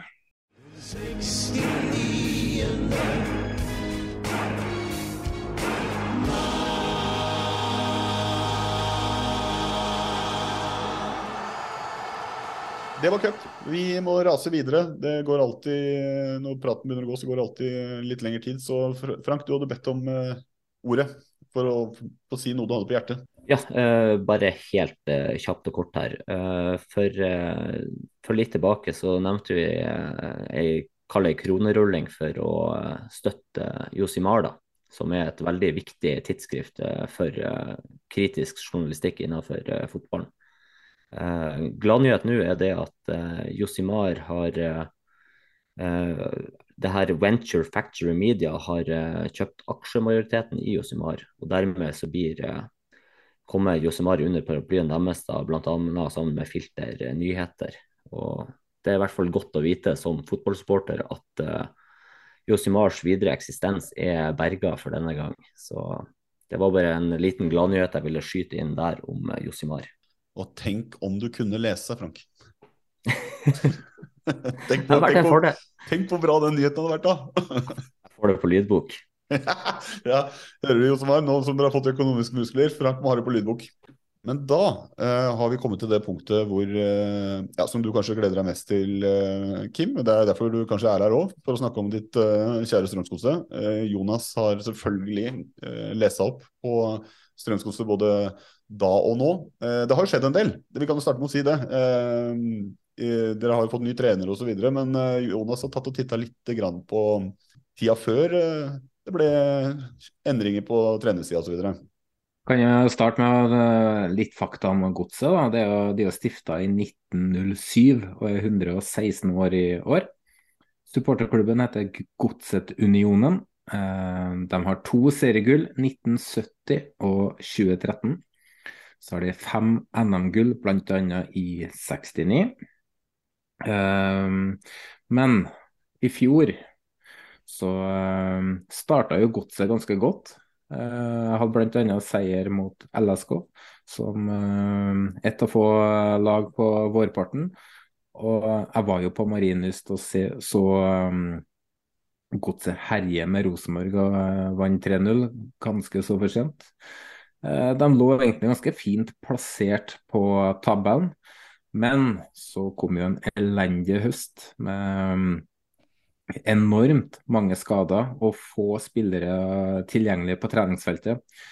Eh, Det var ikke noe trenersparkinger i Eliteserien i fjor, men det var nærmest et krav fra supporterne til Godset om at trenerne måtte gå. Eh, Kim, var dere egentlig hadde dere egentlig god nok forståelse for situasjonen som eh, trenerne til Godset var i fjor, med tanke på skadesituasjonen, eller var det andre ting enn bare resultater som gjorde at tålmodigheten eh, holdt på å tok slutt?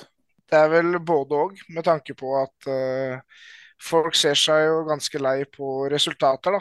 Det er ikke alle som uh, bryr seg så mye om hvilke spillere som er tilgjengelig. Så lenge de som går ut, tar på seg drakta og spiller for Strømsgodset, spiller og gjør det de kan, så er det resultatene som teller i fotball. Eh, Så samtidig så er det jo litt at eh, når vi har mye skader, så var det veldig mange som begynte å rope på den yngre garde. Og, og da tror jeg det er veldig seigt når vi først har begynt å havne på det feil sporet med masse resultater imot oss. Tap på tap på tap. Vi føler at uh, ingenting går vår vei. Og så presterer trenerteam å tviholde på klippekort uh, istedenfor å sette inn en uh, unggutt på en uh, kantposisjon. Så setter de en uh, høyre bekk opp på kant for å sette inn en annen med klippekort inn i startelveren isteden. Og da Jeg tror det beit veldig fra seg i fjor, da. Det, I tillegg til resultater som går imot oss.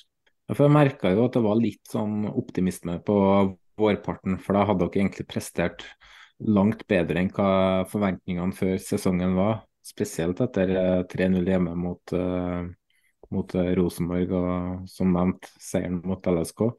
Det, det svinga jo veldig av godset, da. Men de var jo, så vidt jeg husker, veldig god, veldig bra på hjemmebane. Men jeg er jo, jeg er sjøl trener og vet jo hvordan utfordringer som kommer når du får veldig mange skader samtidig da, og ikke kan trene så godt som du ønsker. For det er jo det som var trenerne til Godset i fjor. Det var jo trenere som kanskje var det for å utvikle spillerne til å bli eh, bedre. Kanskje var det kanskje det deres styrker som trenere, med BP bl.a. Uh, men så satt jo jeg med et inntrykk av at ok, nå er det litt mye svartmaling med tanke på den skadesituasjonen eh, dere kanskje hadde. Og dere har for all del helt sikkert rett i at eh, det ikke var rett folk for godset, men jeg følte at man kanskje utad, sett på Twitter, kanskje har vist litt for lite forståelse i forhold til situasjonen de var i. Måtte ikke Jostein Flo til med å ta på seg fotballsko en eh, der? Ja, altså Jeg er enig med deg at det er altfor få som uh, tenker på det med spillerne Eller hvor mange vi hadde som var skada, og hvor vanskelig treningshverdagen er. Uh, og jeg er jo generelt uh, dårlig på det med å bare være negativ konstant, fordi jeg har alltid ment at det er flere i en klubb enn de som sitter på trener trenerbenken. ja, de tar ut laget, ja, de styrer underveis. Men hvis de elleve ute på banen ikke klarer å slå en pasning, så er det flere enn bare trenerteamet som bør gå i seg sjøl. Eh, og akkurat den delen så er jeg enig i at det er veldig mye svartmaling. Eh, men over flere år med eh, kjemping i bånn mot eh, å unngå nedrykk, du føler at det kanskje ikke har vært nok sportslig utvikling eh, over tid. Eh, du føler at nesten de samme spillerne får sjanse på sjanse på sjanse, selv om sånn som mot slutten av sesongen, da Eh, vi har veldig få spillere som er tilgjengelige. Du har eh, masse unge spillere som faktisk leverer varene og rykker opp fra tredjediv. Du, også, jeg, jeg, taper heller hjemmekamp, da. Hvis du setter inn en unggutt eller to og lar dem få spille 45 minutter, da, eller starte en kamp. se på han Fabian Holst Larsen ble kasta inn i det når Wilsvik ble skada. Og Uh, gjorde et par kjempekamper. Uh, naturligvis nok uh, ut igjen så fort Wilsvik kom tilbake, fordi han er en av klubbens desidert beste spillere. Men når en f.eks. Kristoffer Tokstad havner på høyre bekk uh, istedenfor en fremadstormende unggutt på proffkontrakt, da skjønner jeg at folk blir grå i, i håret, altså. For Tokstad han fikk gjennomgå litt i fjor. Han har dessverre fått gjennomgå eh, i alle åra han har vært i godset. Eh, jeg mener han har fått eh, delvis unødvendig kritikk, men over tid så har han jo ikke akkurat levd opp til de fem millionene godset betalte for den. Men det ble altså en tolvteplass på godset i fjor. Uh, og da var det på tide å tenke nytt, Frank? Ja, uh, eh, 14.12. Uh, så blir Jørgen Isnes presentert som uh, godsets nye trener. en trener som hadde langvarig suksess i KFUM og klarte å stabilisere Oslo-klubben til å bli helt oppe i toppen av Obos. Kjempe om kvalikplassene flere år for å klare å få et opprykk. Det har liksom ikke vært så mange trenersparkinger som Jonas nevnte tidligere. så da har liksom ikke tilbudene heller kommet til han Isnes. Men uh, det var vel bl.a. noen Vålerenga-supportere som ropte Isnes sitt navn i fjor i sinne om at han Fagermo ikke fikk det helt til osv. Uh, Nå står han uh, klar for å ta tak i det her godselaget og uh, følge dere oppover på tabellen. Så uh, merker du noe optimisme og entusiasme nå i Drammen etter at dere fikk inn en ny trener? Ja, det vil jeg påstå. Eh, den såkalte Isnes-effekten. Ikke nødvendigvis med, i form av eh, seier og trepoengere hittil, fordi vi har ikke starta sesongen. Men eh, jeg tror det var eh, på tide med noe nytt.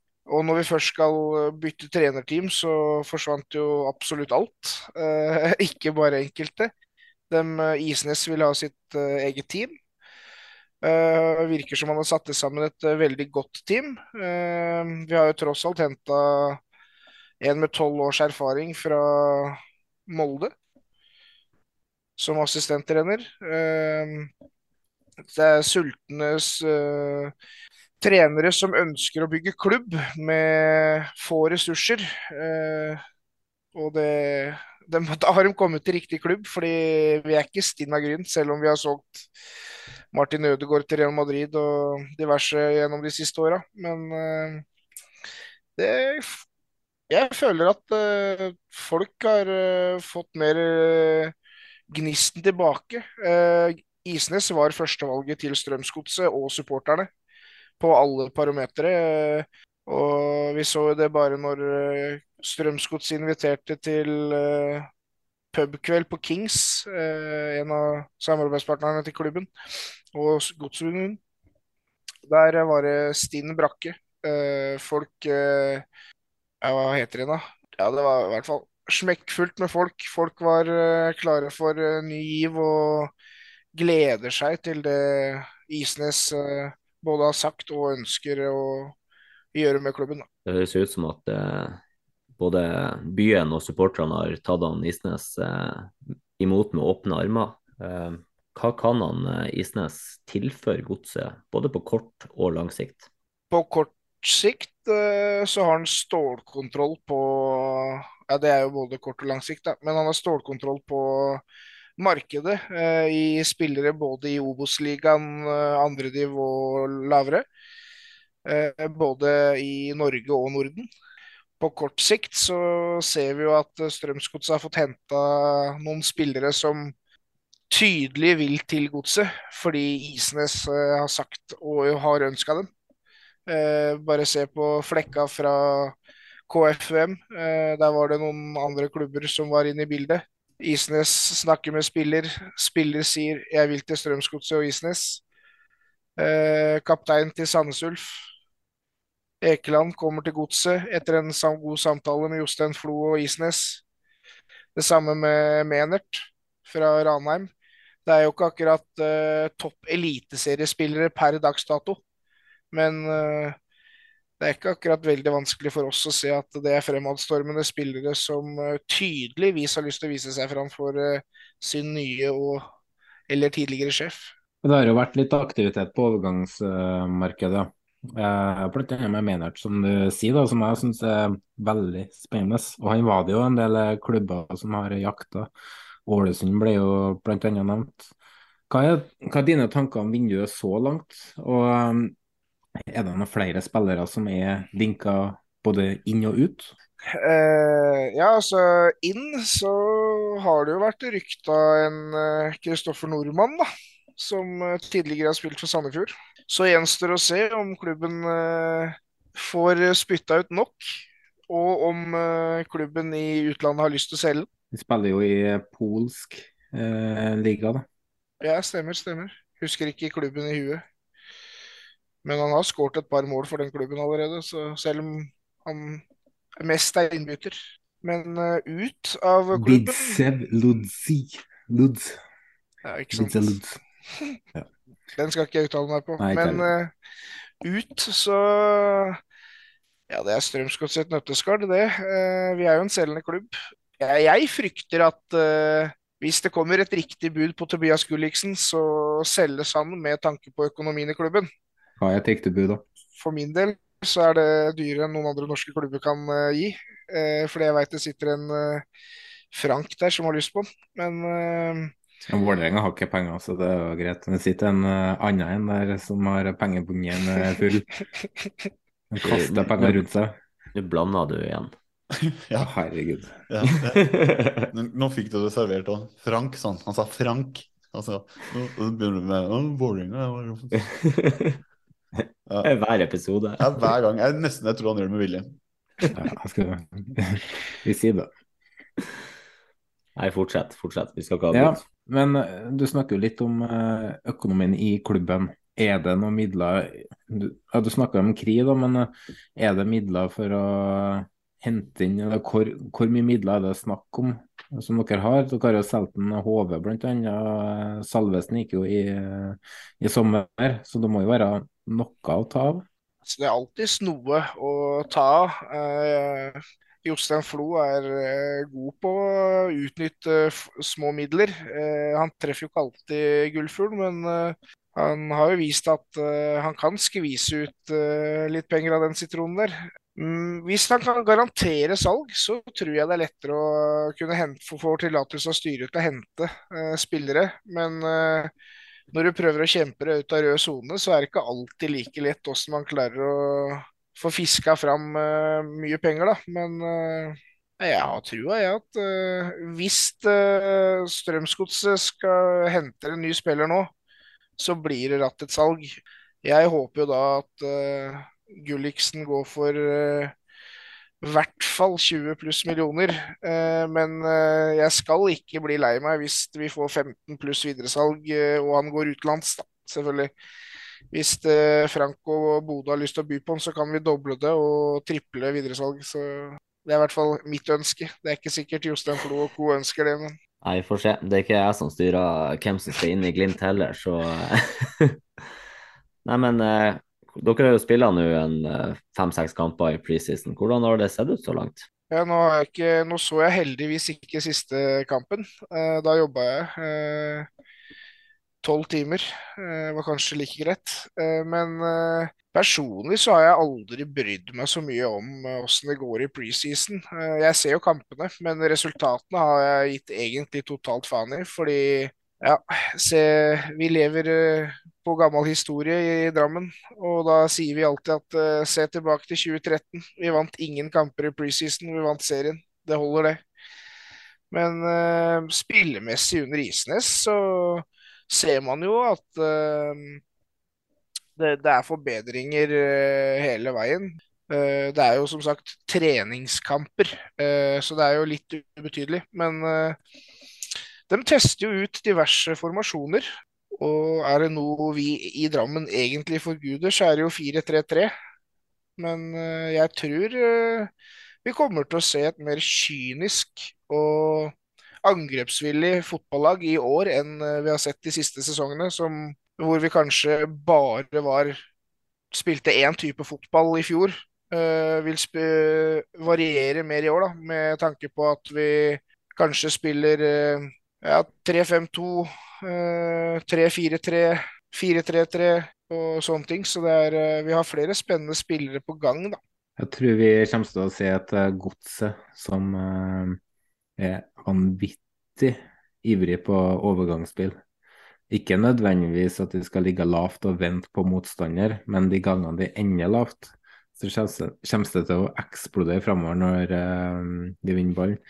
Og det så vi litt mot Viking òg, men der mestra de i tillegg det offensive spillet. Så ser vi um, det jeg kan hente ut av den kampen, var jo at Herman Stengel han blir viktig i år òg. Om ikke den viktigste.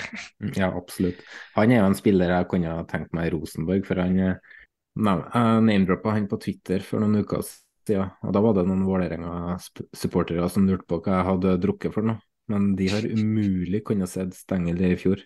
For da var han eh, sjøl, når godset var dårlig, så var han vanvittig god. Og det viser jo alle stats etter sesongen òg, at uh, han hadde en veldig god sesong. Herman jo vært en av de bedre spillerne i godset i mange sesonger nå. Ja. Jeg mener at han har vært blant de bedre defensive midtbanekrigerne vi har hatt i ligaen i flere år. Han er så god uten ball, som ballvinner, men òg ballfordeler. I tillegg han kan spille sekser og kan være indreløper. Så han er en anvendelig spiller som uansett hva Isnes Åssen han setter opp laget, så tror jeg han vil passe inn. Og jeg tror også Isnes vil sette opp et lag som gjør at han kan få ut det beste av eh, Stengel. Det tror jeg. Det tror jeg. Eh, det er ikke akkurat så veldig vanskelig å se når du er inne på Herman Stengel. ikke bare flytter han beina raskt og riktig, eh, han har jo blitt enda mer eh, kontringshissig. Altså mye mer på ett touch uh, gjennom uh, ledd og i bakrom.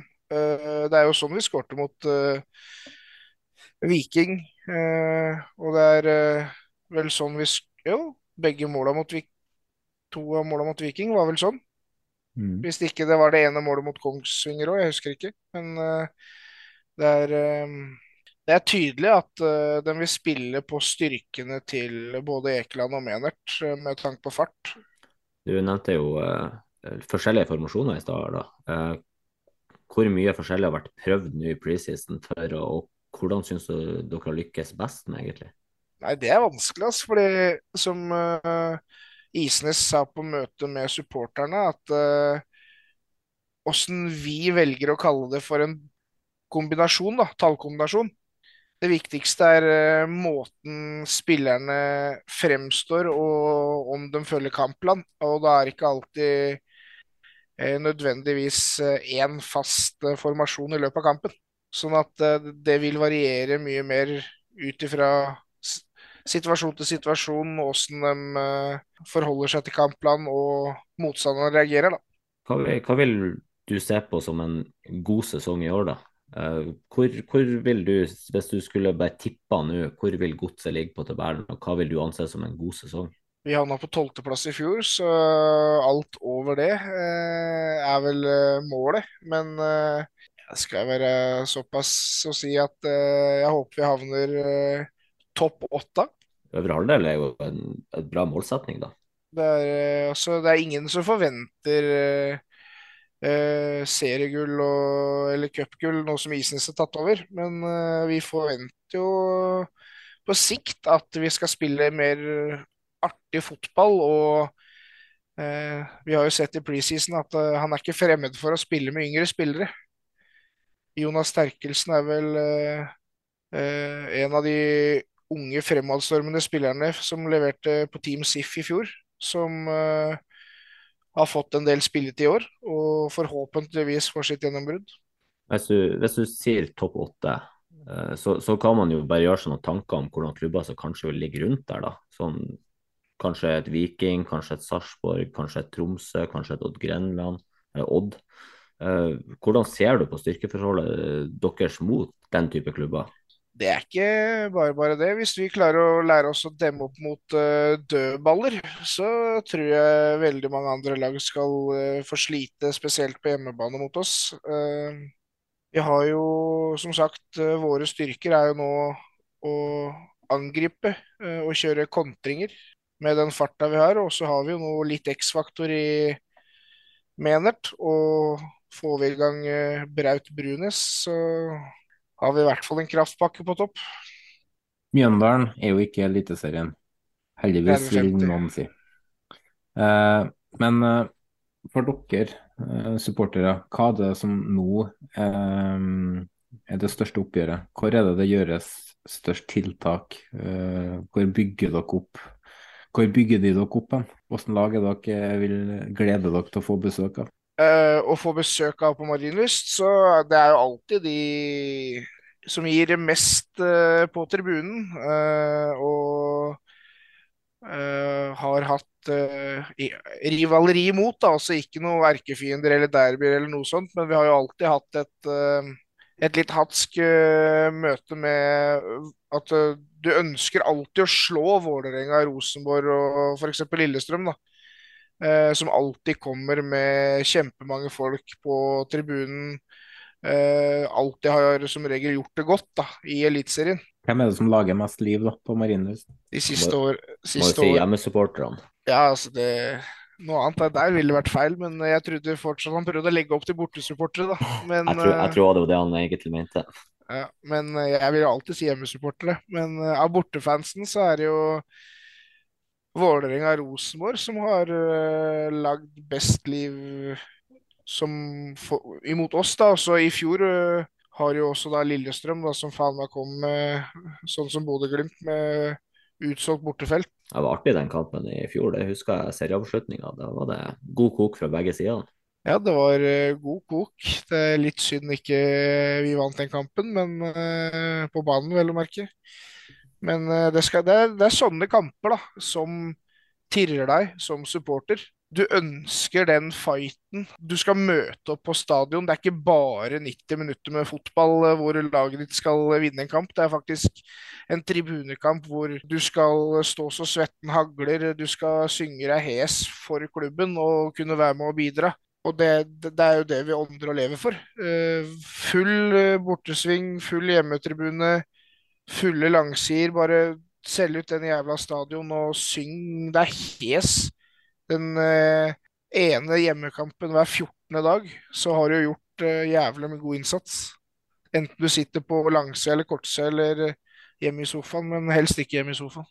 Du gir meg litt ståkuk når du sier det der, for det er akkurat det samme jeg mener. Fyll opp tribunene overalt. Det er derfor det er eh, moro nå i år, når du ser eh, vi har allerede fylt opp fire busser til eh, Lillestrøm i serieåpninga. Du ser Brann mobiliserer, du ser Rosenborg mobiliserer til kampene, du ser Bodø-Glimt. Altså, du ser det er stor glede og engasjement rundt om i Norge. Da. Folk har lyst til å fylle tribunene, ikke bare hjemme, men bortefelt. Da. Du vil at det skal være fullt hyr i teltet, bokstavelig talt, både med pyro og tifor og det som måtte opp på tribunen. og det, det, det, er rett og slett det vi lever for. Ikke, jeg driter i åssen det ser ut på TV. fordi kampen ser jeg kun i reprise uansett. Hvis jeg ikke får vært der sjøl. Men eh, jeg ser kampen i reprise generelt òg, fordi jeg står veldig ofte med ryggen til. ja, dere, dere, er jo eh, jeg sier jo klubbene på Østlandet er jo heldige som har eh, mye, mange korte reisemål. da. Men eh, sånn turer der du faktisk må eh, anstrenge deg litt mer enn hva en liten busstur, hva er den kuleste borteturen eh, du kan minnes har vært på de siste årene? Hvis vi tenker i Hvis du, tenker... hvis du har en favorittbortetur, liksom? Ja, altså mitt beste bortetur eh, hjemme i Norge eh, de siste åra var vel 2019 mot Var det 2019? Borteskampen mot eh, Kristiansund. Siste serierunde. Utsolgt bortefelt. Uh, full overnatting. Vi reiser jo oppover uh, på lørdags morgen. Uh, jeg var jo så heldig å jobbe til litt over midnatt natt til lørdag. sover noen få timer fordi du er så spent og klar for kampen. Pakker og gjør deg klar. Sover tre-fire timer, så er det bare å jekke seg en pils på morgenen når bussen går. Drikke og kose seg med kompiser og venninner og det som er. reise opp på puben, etter man har sjekka inn. Du fester og har det gøy med mangfoldige supportere. Våkner opp, spiser frokost på da oppadgående rus. Eh, mens eh, Glesnes og co. kommer inn og skal spise frokost. Før man går opp og begynner å vorse videre før puben åpner. Og lader opp til kampdag. Eh, som sagt, ut, utsolgt bortefelt. Over, er nesten 300 personer i Kristiansund eh, 1.12. Eh, i snøvær. Eh, fått smuglet inn eh, et par røde lys, som i bluss. Vi skårer vel 1-0. Det blir 1-1. Og vi gir oss ikke. Vi fyrer videre og holder på. Og Chamba skårer da 2-1-målet. Strømsgodset vinner og holder plassen i Eliteserien. Det var helt sinnssykt. Og det sjukeste med hele oppholdet der var at uh, etter kampen så ender jeg, opp, ender jeg opp med en liten svipptur på sjukehus, uh, så jeg måtte overnatte i Kristiansund. Men uh, jeg hadde i hvert fall gitt alt for klubben, så jeg var fornøyd. Det høres ut som noe vi må jo ha utdypa her. Spør i vei. Ja, nei, vi, vi skulle egentlig til å runde av her nå på denne eh, delen her, men eh, Frank, vi skulle egentlig ha utdypa det der, men vi skulle egentlig ha runda òg, så nå må du bestemme deg. Bestem deg, Frank. Uh, ja, nei, vi tar gjerne hele den historien før vi avslutter, da. Nei, altså Du er overengasjert, da, og eh, står uh, pluss litt uh, varmblodig. Jeg er ikke akkurat den tynneste, så man eh, velger da å stå i T-skjorte, i snøføyka, i minusgrader. Svetten hagler. Uh, I tillegg til at du står midt i, i infernoet uh, i 90 minutter og gir av deg sjøl.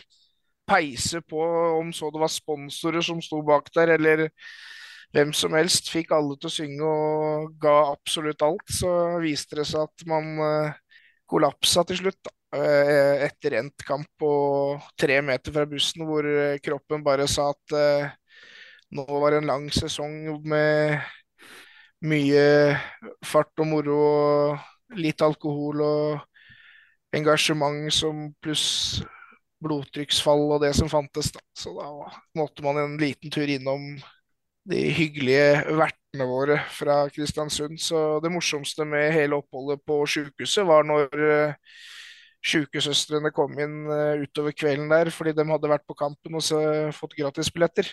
Og noen av dem hadde vært verter på bortefeltet. Og når de hadde gått og spurt etter navnet mitt og endelig kunne sette navn på, eller navn på ansikt, så hadde de bare ett spørsmål. og Det var ikke om journalen min, det var åssen i helsike vi fikk med så mye bluss inn på kamp. Så sa jeg jeg kan svare på alle spørsmål, men det er ett spørsmål jeg ikke kan svare på. Det er akkurat det. Nydelig. Jeg var vel kanskje en av de siste som ble lagt inn på sykehuset i Kristiansund nå, da, før vi må til Molde neste gang. Etter den uh, sjukehus... Nei, helvete, eller da dauer jeg isteden, altså. uh, eh, Perfekt avslutning på det. Uh, Men eh, vi må bryte opp litt grann, før vi får inn litt eh, mer godse til etter hvert eh, på tampen der. Men eh, da trykker jeg på en knapp, jeg. Nei. Nei. I'm a snake. Snake. Jonas sliter hver gang når den der kommer. Jeg hørte litt dårlig nå, faktisk. Jeg har bare ett headset. Ok, okay, okay men du, men, eh, du veit hva som kommer. Men uh, slange. Vi, uh, det er lenge siden vi har vært innom den. da. Det har skjedd mye uh, annet rart og sånne ting, så vi må lansere en ny slange. og Tida løper litt fra oss, så vi får prøve å være litt kort og konsis for en gangs skyld. Men vi, vi eh, har bestemt oss for en vi har, lyst til å slenge inn på lista. Vi kan oppdatere eh, hvordan den ser ut, den lista etter hvert. Men eh, det har ikke noe tilknytning til godset, så da viker vi litt fra noen tidligere måter vi har gjort det på. Men det mm, får nå bare være. Men er det, er det noe mm, som kunne vært en aktuell slange fra, fra godset, Kim? Hvis du skulle fått lansert den? Mm, Mathias Andersson. Rett og slett fordi han absolutt skulle til en uh, ny klubb, som var Fredrikstad, etter storspill i Strømsgodset, for han skulle vinne noe, og så gikk det rett til helvete. Så da Det er et forslag. Eh, så har du jo da en uh, Ulland Andersson, som er den moderne nå, da, som blant de siste, hvor du nærmest griner deg til klubbbytte. Til eh, en klubb som ingen vil verken unner deg spilletid i, og ja. Dem, ja. Nei, Molde. Uff, jeg ble dårlig bare av tanken, så uff. Jeg tror du har en venn for livet, Jonas, nå. Jeg kommer og besøker deg til helga. Vi skal ligge- i skje. Ja, men det, det vi skal eh, i hvert fall uh, ta en vi lanserte. Og det er fordi vi plukka opp uh, Vi følger jo med liksom på Twitteren og sånn, da. Eh, og det var eh, Det dukka opp rett og slett at eh, har man latt denne Mathias Nordmann-fyren bare passere, så vi må gjøre et lite unntak. For Slangen skulle egentlig være liksom eh, eliteseriespiller og sånn nå, men vi tenkte at vet du, her er det så stort potensial at eh, eh, han har vært i Eliteserien, og det holder for å kunne i hvert fall lanseres. Eh, og Martin Andresen er ikke i Eliteserien, han heller. Nei, ikke sant. Så det er noe med det. Så um, vi, um, vi lanserer um, rett og slett Mathias Nordmann. Ja, Mathias Nordmann. 2013 skriver han sin første proffkontrakt med Bodø-Glimt. 2017 vil bort fra Glimt. Gikk til media og sutra da Glimt avslo bud fra Vålerenga. Budet som ble avslått var mellom fem og seks millioner. Nordmann mente sjøl at Glimt krevde for mye når de avslo budet. Uh, han sier i media at han vurderer å legge opp. Han sier at eh, han blir ikke satsa på, enda han spilte fast på midtbanen til Bodø-Glimt. Nordsjælland hadde også tidligere bydd fire millioner som var blitt avvist. Eh, bare noen måneder senere så selger Bodø-Glimt Mathias Nordmann til Brighton for 15 millioner. En måned etter salget lånes Mathias Nordmann tilbake til Norge. Men for Nordmann så var det uaktuelt å dra tilbake til Glimt. Så Nordmann drar til Molde. Spiller i Molde halv, siste halvdel av 2017 og første halvdel av 2018. 2019. Nordmann selges fra Brighton til den russiske klubben Rostov. Og det er vel egentlig her mye egentlig eskalerer i forhold til hvor vi er i dag. Eh, for 20 millioner, da. Eh, 2021, eh, den engelske klubben Norwich betaler Rostov 25 millioner for å låne Mathias Nordmann én sesong. Mathias Nordmann gjør det veldig bra i Premier League, eh, og selv om det kun er et lån, så er det mange som ser for seg at gutten lett kan ha en fremtid i engelsk fotball. Han skal likevel tilbake til Rostov etter endt lån. 2022, det har brutt ut krig i Ukraina. Russland har angrepet landet, og vi trenger ikke å gå dypere inn på det, men det får også sine følger i fotballverden. En spiller som f.eks. Erik Botheim terminerer kontrakten sin med russiske Krasnodar og flytter til Italia. Nordmann på sin side velger å bli værende i russisk fotball, hvor han sitter på en gigantisk lønnspose. Han har det siste året vært lånt ut fra Rostov til Dynamo Moskva. Ståle Solbakken har også gitt nordmannen klar beskjed om at han er uaktuell for det norske landslaget så lenge han blir værende i Russland, noe han har gitt en blank faen i å forholde seg til. Men før vi eh, gyver løs på diskusjonen, så må vi bare minne om eh, lista. Den har jeg i huet. Det er eh, Berisha på førsteplass, Amor Lajoni på andreplass og Martin Andresen foreløpig på pallen på tredjeplass. Og lenger enn det har vi ikke kommet, men da har vi en kandidat. Kim? Hvor legger vi han? Kim, skal vi ha nordmann over eller under Martin Andresen? Ja, det er vel glatt uh, over, det. Noen som er uenig? Nei, det er, trenger, den, den trenger jeg ikke å tenke på. Altså. Den er, Skal vi, den er skal, skal vi hoppe rett til første? Skal vi ha ham over eller under Berisha? Oi. Den er mer vrien. Jeg mener jo det her eh, standpunktet han har tatt i 2022, eh, det sier så ekstremt mye om hvordan menneske han er. Eh, lavmål, rett og slett. Så under Eh, Berisha. Nei, det, her er- det, det er så ille så du får det når du, du velger og Sånn som Botheim, eksempel. Det det at han velger å terminere sin kontrakt. Og han, eh, og han nordmann nærmest åpen, åpent eh, står frem som bare Nei, jeg skal være i Russland. Her har jeg det godt. Jeg tjener penger og sitter med modellberta si og alt mulig. Eh, ikke noe sjalusi akkurat der, men det sier så mye om hvordan han er som menneske når han bare sånn helt åpenlyst vet hva det landet han bor i, holder på med, og likevel sier at nei, jeg skal være her. Jeg For meg- klikker Ja, for meg er klink igjen. Ja, nei, jeg um, trenger egentlig ikke å tenke så mye på den. Uh, han er uh, på grunn av det, det. Fordi fotball er viktig, men uh, noen ting er viktigere. Og Det, det, det er så kjedelig å tenke på. Uh, så god som han var på landslaget. Han dominerte de gangene han var skadefri i Norwich. Kunne, det, det er en spiller norsk fotball kunne ha fått nytte av i lang, lang tid. Og så viser han seg å være en megadust, for å si det pent. Han øh, håper han aldri spiller kamp eh, med det norske flagget på brystet i framtida, uansett om han bytter land. håper han drar til Rosenborg. Men, uh, nei, men det, jeg, jeg gjør egentlig ikke det. Jeg har ikke lyst til å se spilleren i Eliteserien i det hele tatt. Så det var bare for å tulle litt med Jonas, for han har en såpass bra dag fra før. Så, men det høres ut som at Frank fikk satt skapet på plass og hjulpet oss med å rasjonere tankene våre. Så jeg er på klink 1, Jonas var på klink 1, Kim, jeg syns du hørte du sa noe sånt du òg? Jeg ble nok klink én, det nå. Ja. Så Frank, du, du overtalte massene. For Det var en klink ene for deg òg, skjønte jeg? Ja. Eh, Berisha, det er ingen som liker han Berisha, men nordmannen er over han igjen. Nå en, bryter det ut sånn felles gatedans i Molde. Sånn hvor de bare strømmer til gatene. Berisha er fri, han er frikjent som slange nummer én.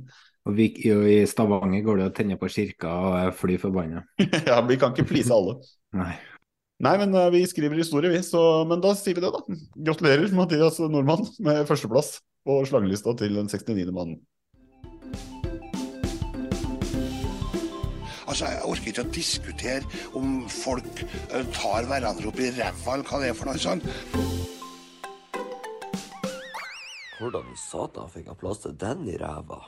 Vi, eh, før vi runder av eh, hele dagen med noen spørsmål og sånn, eh, Kim, vi har fått inn noen spørsmål til deg også, så eh, hadde vi lyst til å ha en liten topp tre. Det er lenge siden vi har kjørt det også. Så det er jo en ordinær episode. Denne, gangens, eh, denne episodens tema i topp tre er topp tre spillere fra godset. Og da er det ikke nødvendigvis begrensa med at det må være topp tre i dagens stall. Det ligger kanskje underforstått. Så, og man kan sette sine egne kriterier, eh, andre. Men du kan få lov til å åpne ballet. Topp tre spillere for deg i godset, den er jo kanskje mest interessant her. Ja, altså Å sette opp en topp tre-liste i seg sjøl er jo vanskelig. Eh, spørsmålet er eh, hvilke kriterier man går etter. Om man går etter eh, gjennom alle tider, bare de man har sett sjøl. Eh, de som har vært der nå i de siste ti åra. Så Nei, den Jeg kan jo si såpass da, at eh, en av dem spiller her fortsatt, som er på den topp tre-lista. Og han heter eh, Lars Wilsvik. Når du har eh, snart 400 kamper for eh, vårt kjære Strømsgodset, så skal du selvfølgelig inn på topp tre-lista uansett. Om så det er gjennom tider eller bare er nå. Eh, han er så gjennomblå at eh, det går ikke an å ikke ha han på topp tre-lista. Eh, andre betydningsfulle spillere Min topp tre-liste er spillere som har betydd eh, og gjort fotballen morsom å se på og vært betydningsfulle for Strømsgodset, da. Og da er jo Wilsvik eh, klink der.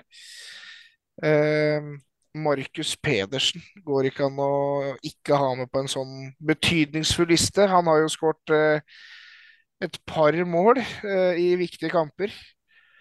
Eh, og han hata de brune oppe oppe oppafor elva, så det gjør alle andre drammensere òg. Og så vil jeg vel eh, faktisk trekke frem gode, gamle Osman Nyan. Det var eh, tider å se på den lille loppa med ballen i beina som dansa samba rundt motstanderen. Det, det var tider, ass. Gode, gamle Obos-bilder der. Ja, eh, Frank.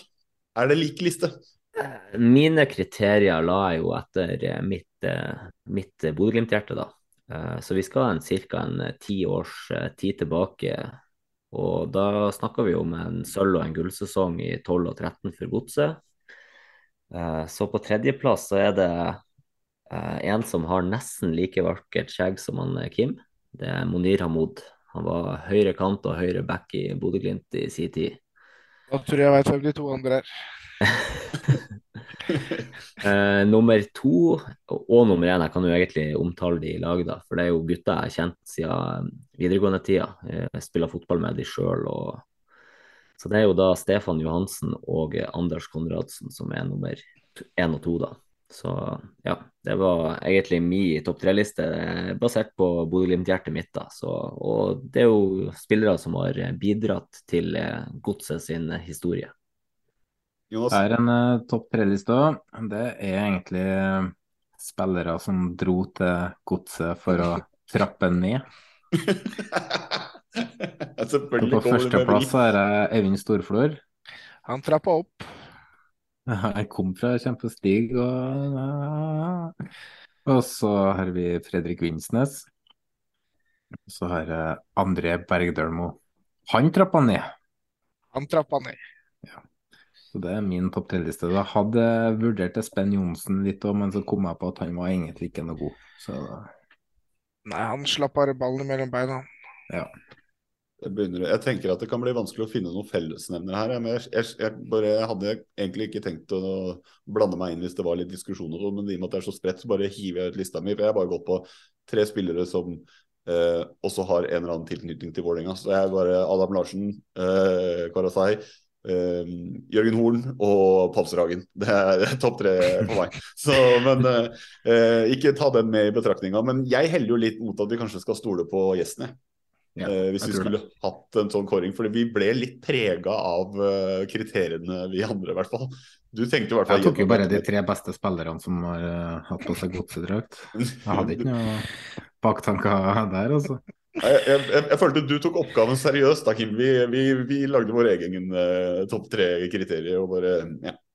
Men, Jeg eh, følte at uh, jeg kunne gjetta meg til i hvert fall to av tre lister der. Det kunne jeg. Mm.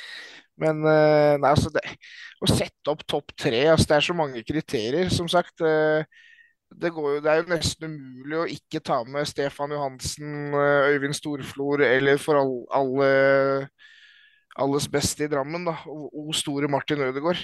Mm. Og så, som bare kommer og herjer, selv om det var én enkelt sesong. Men uh, altså Se hvor han er den dag i dag, da. mm. Så, men uh, jeg holder på lista mi med på de som har betydd eh, mye og har vært engasjerende, så er det jo Wilsvik soleklar der. Altså, det er jo Jeg, jeg må innrømme at jeg, hvis jeg tenkte på at jeg skulle vært uh, seriøs, og det var jeg jo ikke på lista mi i den forstand, men så uh, Wilsvik hadde jo vært en uh, kandidat hvis jeg skulle prøvd å tenke litt med gosebriller. Altså, eh, du skal få for den, da. Men jeg tror at vi bare skal stole på lista di, jeg, så si at du har bedre peiling, og du tok oppgaven seriøst. Så vi kanskje bare lar det være med det, eller? Funker for meg. Ja. Det er, men det er hyggelig å kunne bare delegere. Vi har begynt å bli gode på det, vi nå. Men uh, vi har fått noen spørsmål. Du er klar for å svare på noen, i hvert fall? Ja da. Ja. Da fyrer vi av eh, noen eh, spørsmål. Du er klar for noen spørsmål da, og Steinar Lie spør hva er det med godset og sukkerspinn på stadion? Jøss, jeg trodde de hadde blitt kvitt de greiene der. Det er i hvert fall ikke noe jeg kjøper når jeg er på en fotballstadion. Det... Du du går ikke fem minutter før uh, omgangen er over for å komme i sukkersvinnkøa? Nei, det Jeg tar heller en sånn smelta sjokolade som har eh, ligget ytterst i solsteika. Det er best. Så du kan ikke svare på det? Nei, det må jeg dessverre eh, si at uh, vi får ikke gjort noe der, annet enn at vi har allerede klaga på utvalget på Marienlyst. Og klubben er i god dialog med Snackzone om endring av meny. Så Mm. får vi se åssen det blir. Sikkert sukkerspinn da, men det kan hende blir eh, noe annet i tillegg. At andre blir bedre, men sukkerspinnet blir? Det kan hende at du får varm kaffe.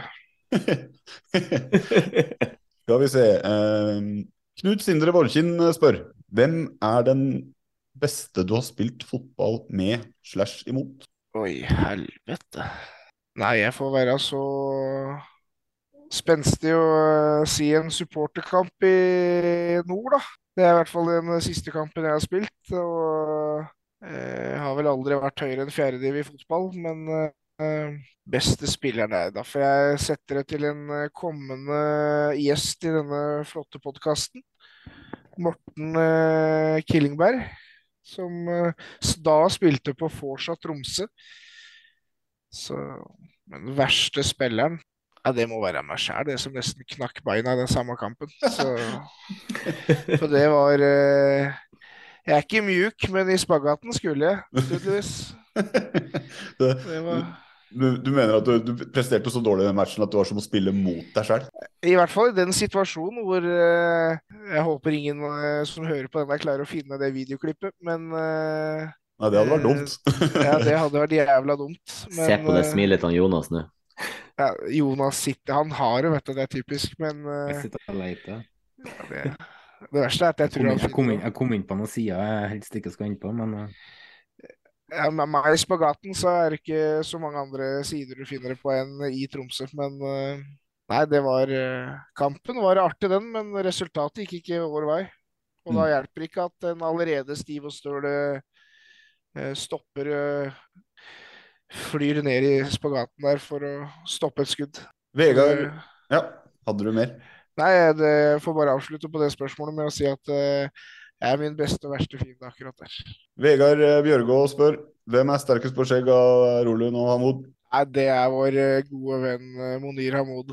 Det er vel kanskje derfor jeg eh, liker å ha skjegget mitt sånn, fordi jeg ser opp til eh, eh, den karismatiske tidligere stopp, stopper og back, som nå spiller på Skoger Skogeriel, tror jeg. Mm. Så Nei, det er en eh, fin mann og en eh, god fotballspiller som vi aldri må glemme i Strømsgods. Han tar deg på skjegget òg. Han tar meg på skjegget uten tvil. Så Samme mann spør også hvordan improviserer man å få tak i noe å drikke på en titimers busstur til Kristiansund når alle i reisefølget glemmer krus, kopper og beger når det er åpenbar i bussen? Nei, da stopper du bussen på nærmeste bensinstasjon og stikker inn og henter alt av smågodtbegerne de har der. Da har du, grat da har du tilgang på mye alkohol eh, du kan putte oppi der. Dere gikk for små, eh, ikke kaffekoppene ved kaffemaskina og sånn? Nei, det, du får større enheter oppi den eh, bøtta med smågodt. Og så har vi vært så smarte og prøvd slush-beger nå. Det funka jævlig dårlig. Mm. Jelsin og eh, cola-slush er ikke godt. Det er et tips til alle som hører på der ute. Vi eh, tar et par siste. Det er fra Ferdinand. Hvem av gutta på Team SIF eh, tror eller håper du at eh, får sitt gjennombrudd for A-laget i år? Av de de som spilte der i fjor og kommer til å spille der i år, så håper jeg Jonas Sterkelsen får sitt eh, gjennombrudd i Strømsgodset. Det ser jo sånn ut med tanke på mye spillet hittil i preseason. Det så veldig bra ut mot uh, Viking. Bra driv. Er en uh, veldig spennende ung uh, spiller som vi allerede så mot Vålerenga på Intility, selv om vi tapte den kampen i fjor. Eh, han, eh, han byr på seg sjøl, og han er uredd. Og han vil opp og fram, og det kommer han til å lykkes med. Andre spillere blant Team SIF-gutta, det må være en Fredrik Ardrå. Eh, tror han er eh, halvt spansk eller et eller annet. For det, han virker ikke veldig norsk i spillestil og måten han spiller på. Og han er jo bare 16 år, så en fantastisk eh, spennende spiller som er på vei opp og fram, sammen med han vi nå henta til Team SIF fra Asker. Mm. Eh, hva nå han het igjen? Du vet at jeg noterer ned navnet, sånn at vi kan hente til Glimt snart. Ja, hold kjeften din, da. Fy faen. Må bare- bare stoppe alle fly som går til Bodø. Da tar vi siste, Nei, da, fra, siste fra Ferdinand nå, da. Eh, Den var vel kanskje litt ledende, men hva syns du om eh, telefonbruk på stadion? Nei, det er, hadde det vært opp til meg, så hadde det vært en søppelkasse ved inngangen til eh, supporterfeltet, og så kunne de henta telefonen etter at kampen var ferdig. Det har vel eh, vært et par ganger hvor jeg klatra eller gått oppover rekkverket på hjemmetribunen og bedt folk om å gi faen og stå på telefonen og oppdatere åssen det går med Liverpool eller United eller you name it. Ikke bryr jeg meg om andre eliteseriekamper eller Obos-lag heller, når det er eh, Strømsgodset som spiller. Da er det den klubben du skal stå og synge og juble for. Og vi hadde til og med en situasjon på Marienlyst hvor eh, noen jeg snakka kanskje litt hardt til, eh, sto og ropte på vertene og vaktene og mente at jeg var ufin, og at eh, jeg måtte kastes ut fordi jeg mente at de ikke skulle stå og se på Liverpool-kampen mens de sto på vår eh, supportertribune. Og da sa vaktene at Men han har jo rett, dere er jo her for å se Strømsgods, ikke Liverpool. Så det, de var ikke så veldig fornøyde med det, men jeg var, fikk det jeg ville, jeg. De la vekk telefonen. Men uh, Det var det siste fra, fra Twitteren, men vi har et spørsmål som går til alle, da, som vi har. Vi slenger det bare inn i samme bolk igjen. Hvem skårer uh, mål nummer 69 år i Eliteserien? Altså? Jonathan Brunes. Den ekte. Braut. Ja. Da noterer vi det. Det var det vi hadde av eh, spørsmål. Eh, Vi nærmer oss eh, slutten, og før vi går på himmelrikets eh, eh, innlosing, så må vi bare kort si at neste episode blir med allerede nevnt Morten Kringberg, Tromsø, leder av Forsa Tromsø. Da vil det selvfølgelig være mulighet til å stille noen spørsmål der også. Kan jo se om han nevner deg som beste spiller, det vet jeg ikke. Men, uh, Kim, men som han har spilt bort. Det får vi se. Hvis han uh, har samme syn på det. Men uh, det blir i hvert fall neste. Da blir det litt Tromsø-fokus. Som alltid så må vi rette en ekstra takk til de som har gjort uh, podkasten mulig. Jan Erik Balto, som også står bak merge og sånn på t-shirt.no, og har eh, mekka sammen en eh, Det finnes bare én Braut Brunes-skjorte som er mulig å få tak i, hvis man skulle ønske å gå rundt med det. Eh, andre bidragsytere, Jesper Horten Kjærnes for jingler og automusikk. Vestfold Lydstudio som alltid, intro, musikk og jingler. Ive Steinsvik og Intune i Bodø, som selvfølgelig har stått for utstyret. og Uten dere hadde det ikke vært mulig. Takk til alle som har sendt inn spørsmål, og takk til alle som uh, hører på. Og selvfølgelig tusen takk for at du tok deg tid til å bruke resten av kvelden etter snøstormfighting hadde vært gjennom i dag, på å sitte her og prate både fotball og andre ting med oss. Jo, takk det samme. Det skulle da bare mangle. Og så eh, må vi ønske lykke til med sesongen når den går i gang, og håpe at dere får, eh, om så eh, i hvert fall noen minneverdige opplevelser denne sesongen også. Så får ta og si fra hvis det er altfor mange som står med mobilen på Kan få lov til å si fra på inntil til også, hvis du ser folk står der, for min del. Så, men uansett, masse lykke til, og takk for at du tok deg tida. vi gjør klar for 69-himmelen. Vi må snakke om livet som eh, utenlandsproff. For det er liksom det som ligger i bakhodet på de aller fleste norske spillere. Drømmen om å spille i det store utland. Syd for Norge, på en av Europas mange gressmatter. Mange har prøvd seg, noen har lykkes, mens andre ikke. Det var dette med å ta steget opp, da. Det er ikke for alle. For noen er det mentalt det stopper. For andre er det fysisk. Men for enkelte handler det mest om timing og dårlige valg. Men hvert overgangsvindu så eksporterer norsk fotball nye utenlandsproffer med store ambisjoner til det store utland. Ikke så rent overraskende er det ofte det mest brennhete navnet som får muligheten. Som en dobbel seriemester fra Bodø.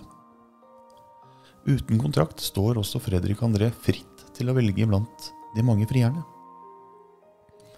Valget faller på Kjetil Rekdals gamle klubb. Herta BSC, Berliner sportklubb der altså. Men i iveren etter å komme seg til utlandet glemmer Fredrik André og hans hjelpere å sjekke opp om konkurranseforholdene på venstrebekk. Det viste seg at kapteinen til Herta spiller venstrebekk, og man pleier jo å spille kapteinen sin en del.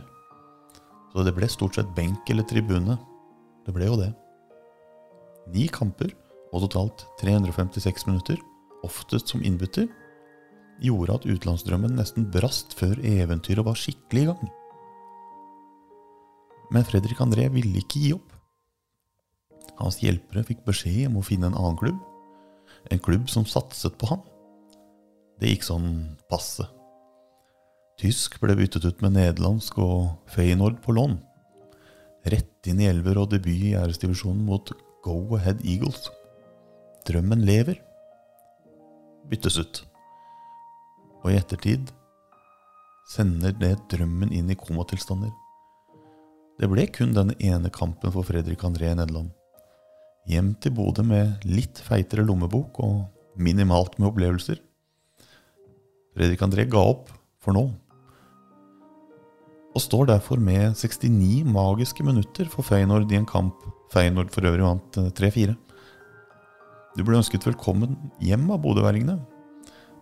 Men for ditt forsøk som utenlandsproff ønsker vi deg også velkommen til 69-himmelen. Hvor opp er ned, og ned er opp.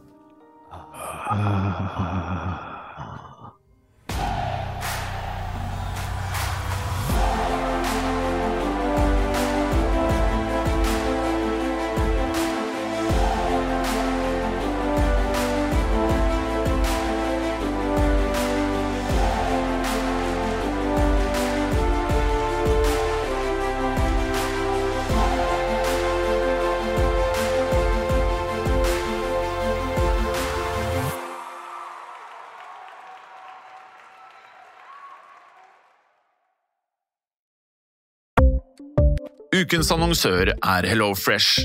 HelloFresh er verdens ledende matkasseleverandør og kan være redningen i en travel hverdag. Mange av oss har nok vandret i butikken både sultne og uten en plan for middagen. som ender med at vi går for de samme kjedelige rettene gang på gang. Middag burde være dagens høydepunkt. Som Hello Fresh kan du nå velge mellom 25 ulike retter hver eneste uke, eller få Hello Fresh til å sette sammen menyen for deg.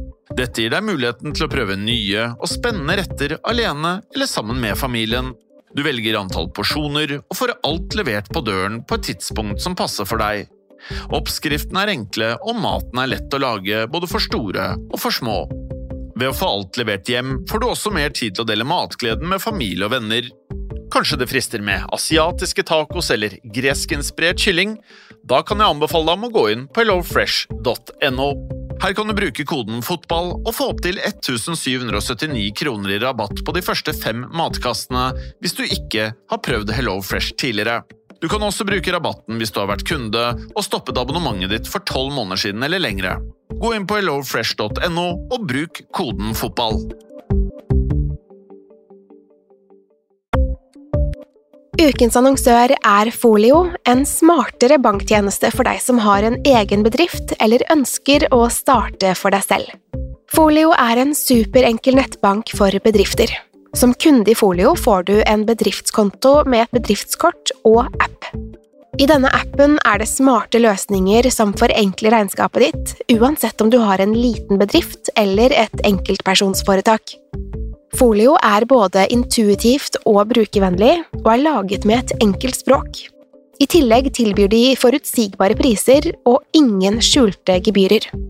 Skulle du likevel trenge det, så kan du snakke med deres raske og hyggelige kundeservice, og der får du prate med en faktisk person og ikke en chatbot. Folio er med andre ord både enklere og koseligere enn banken.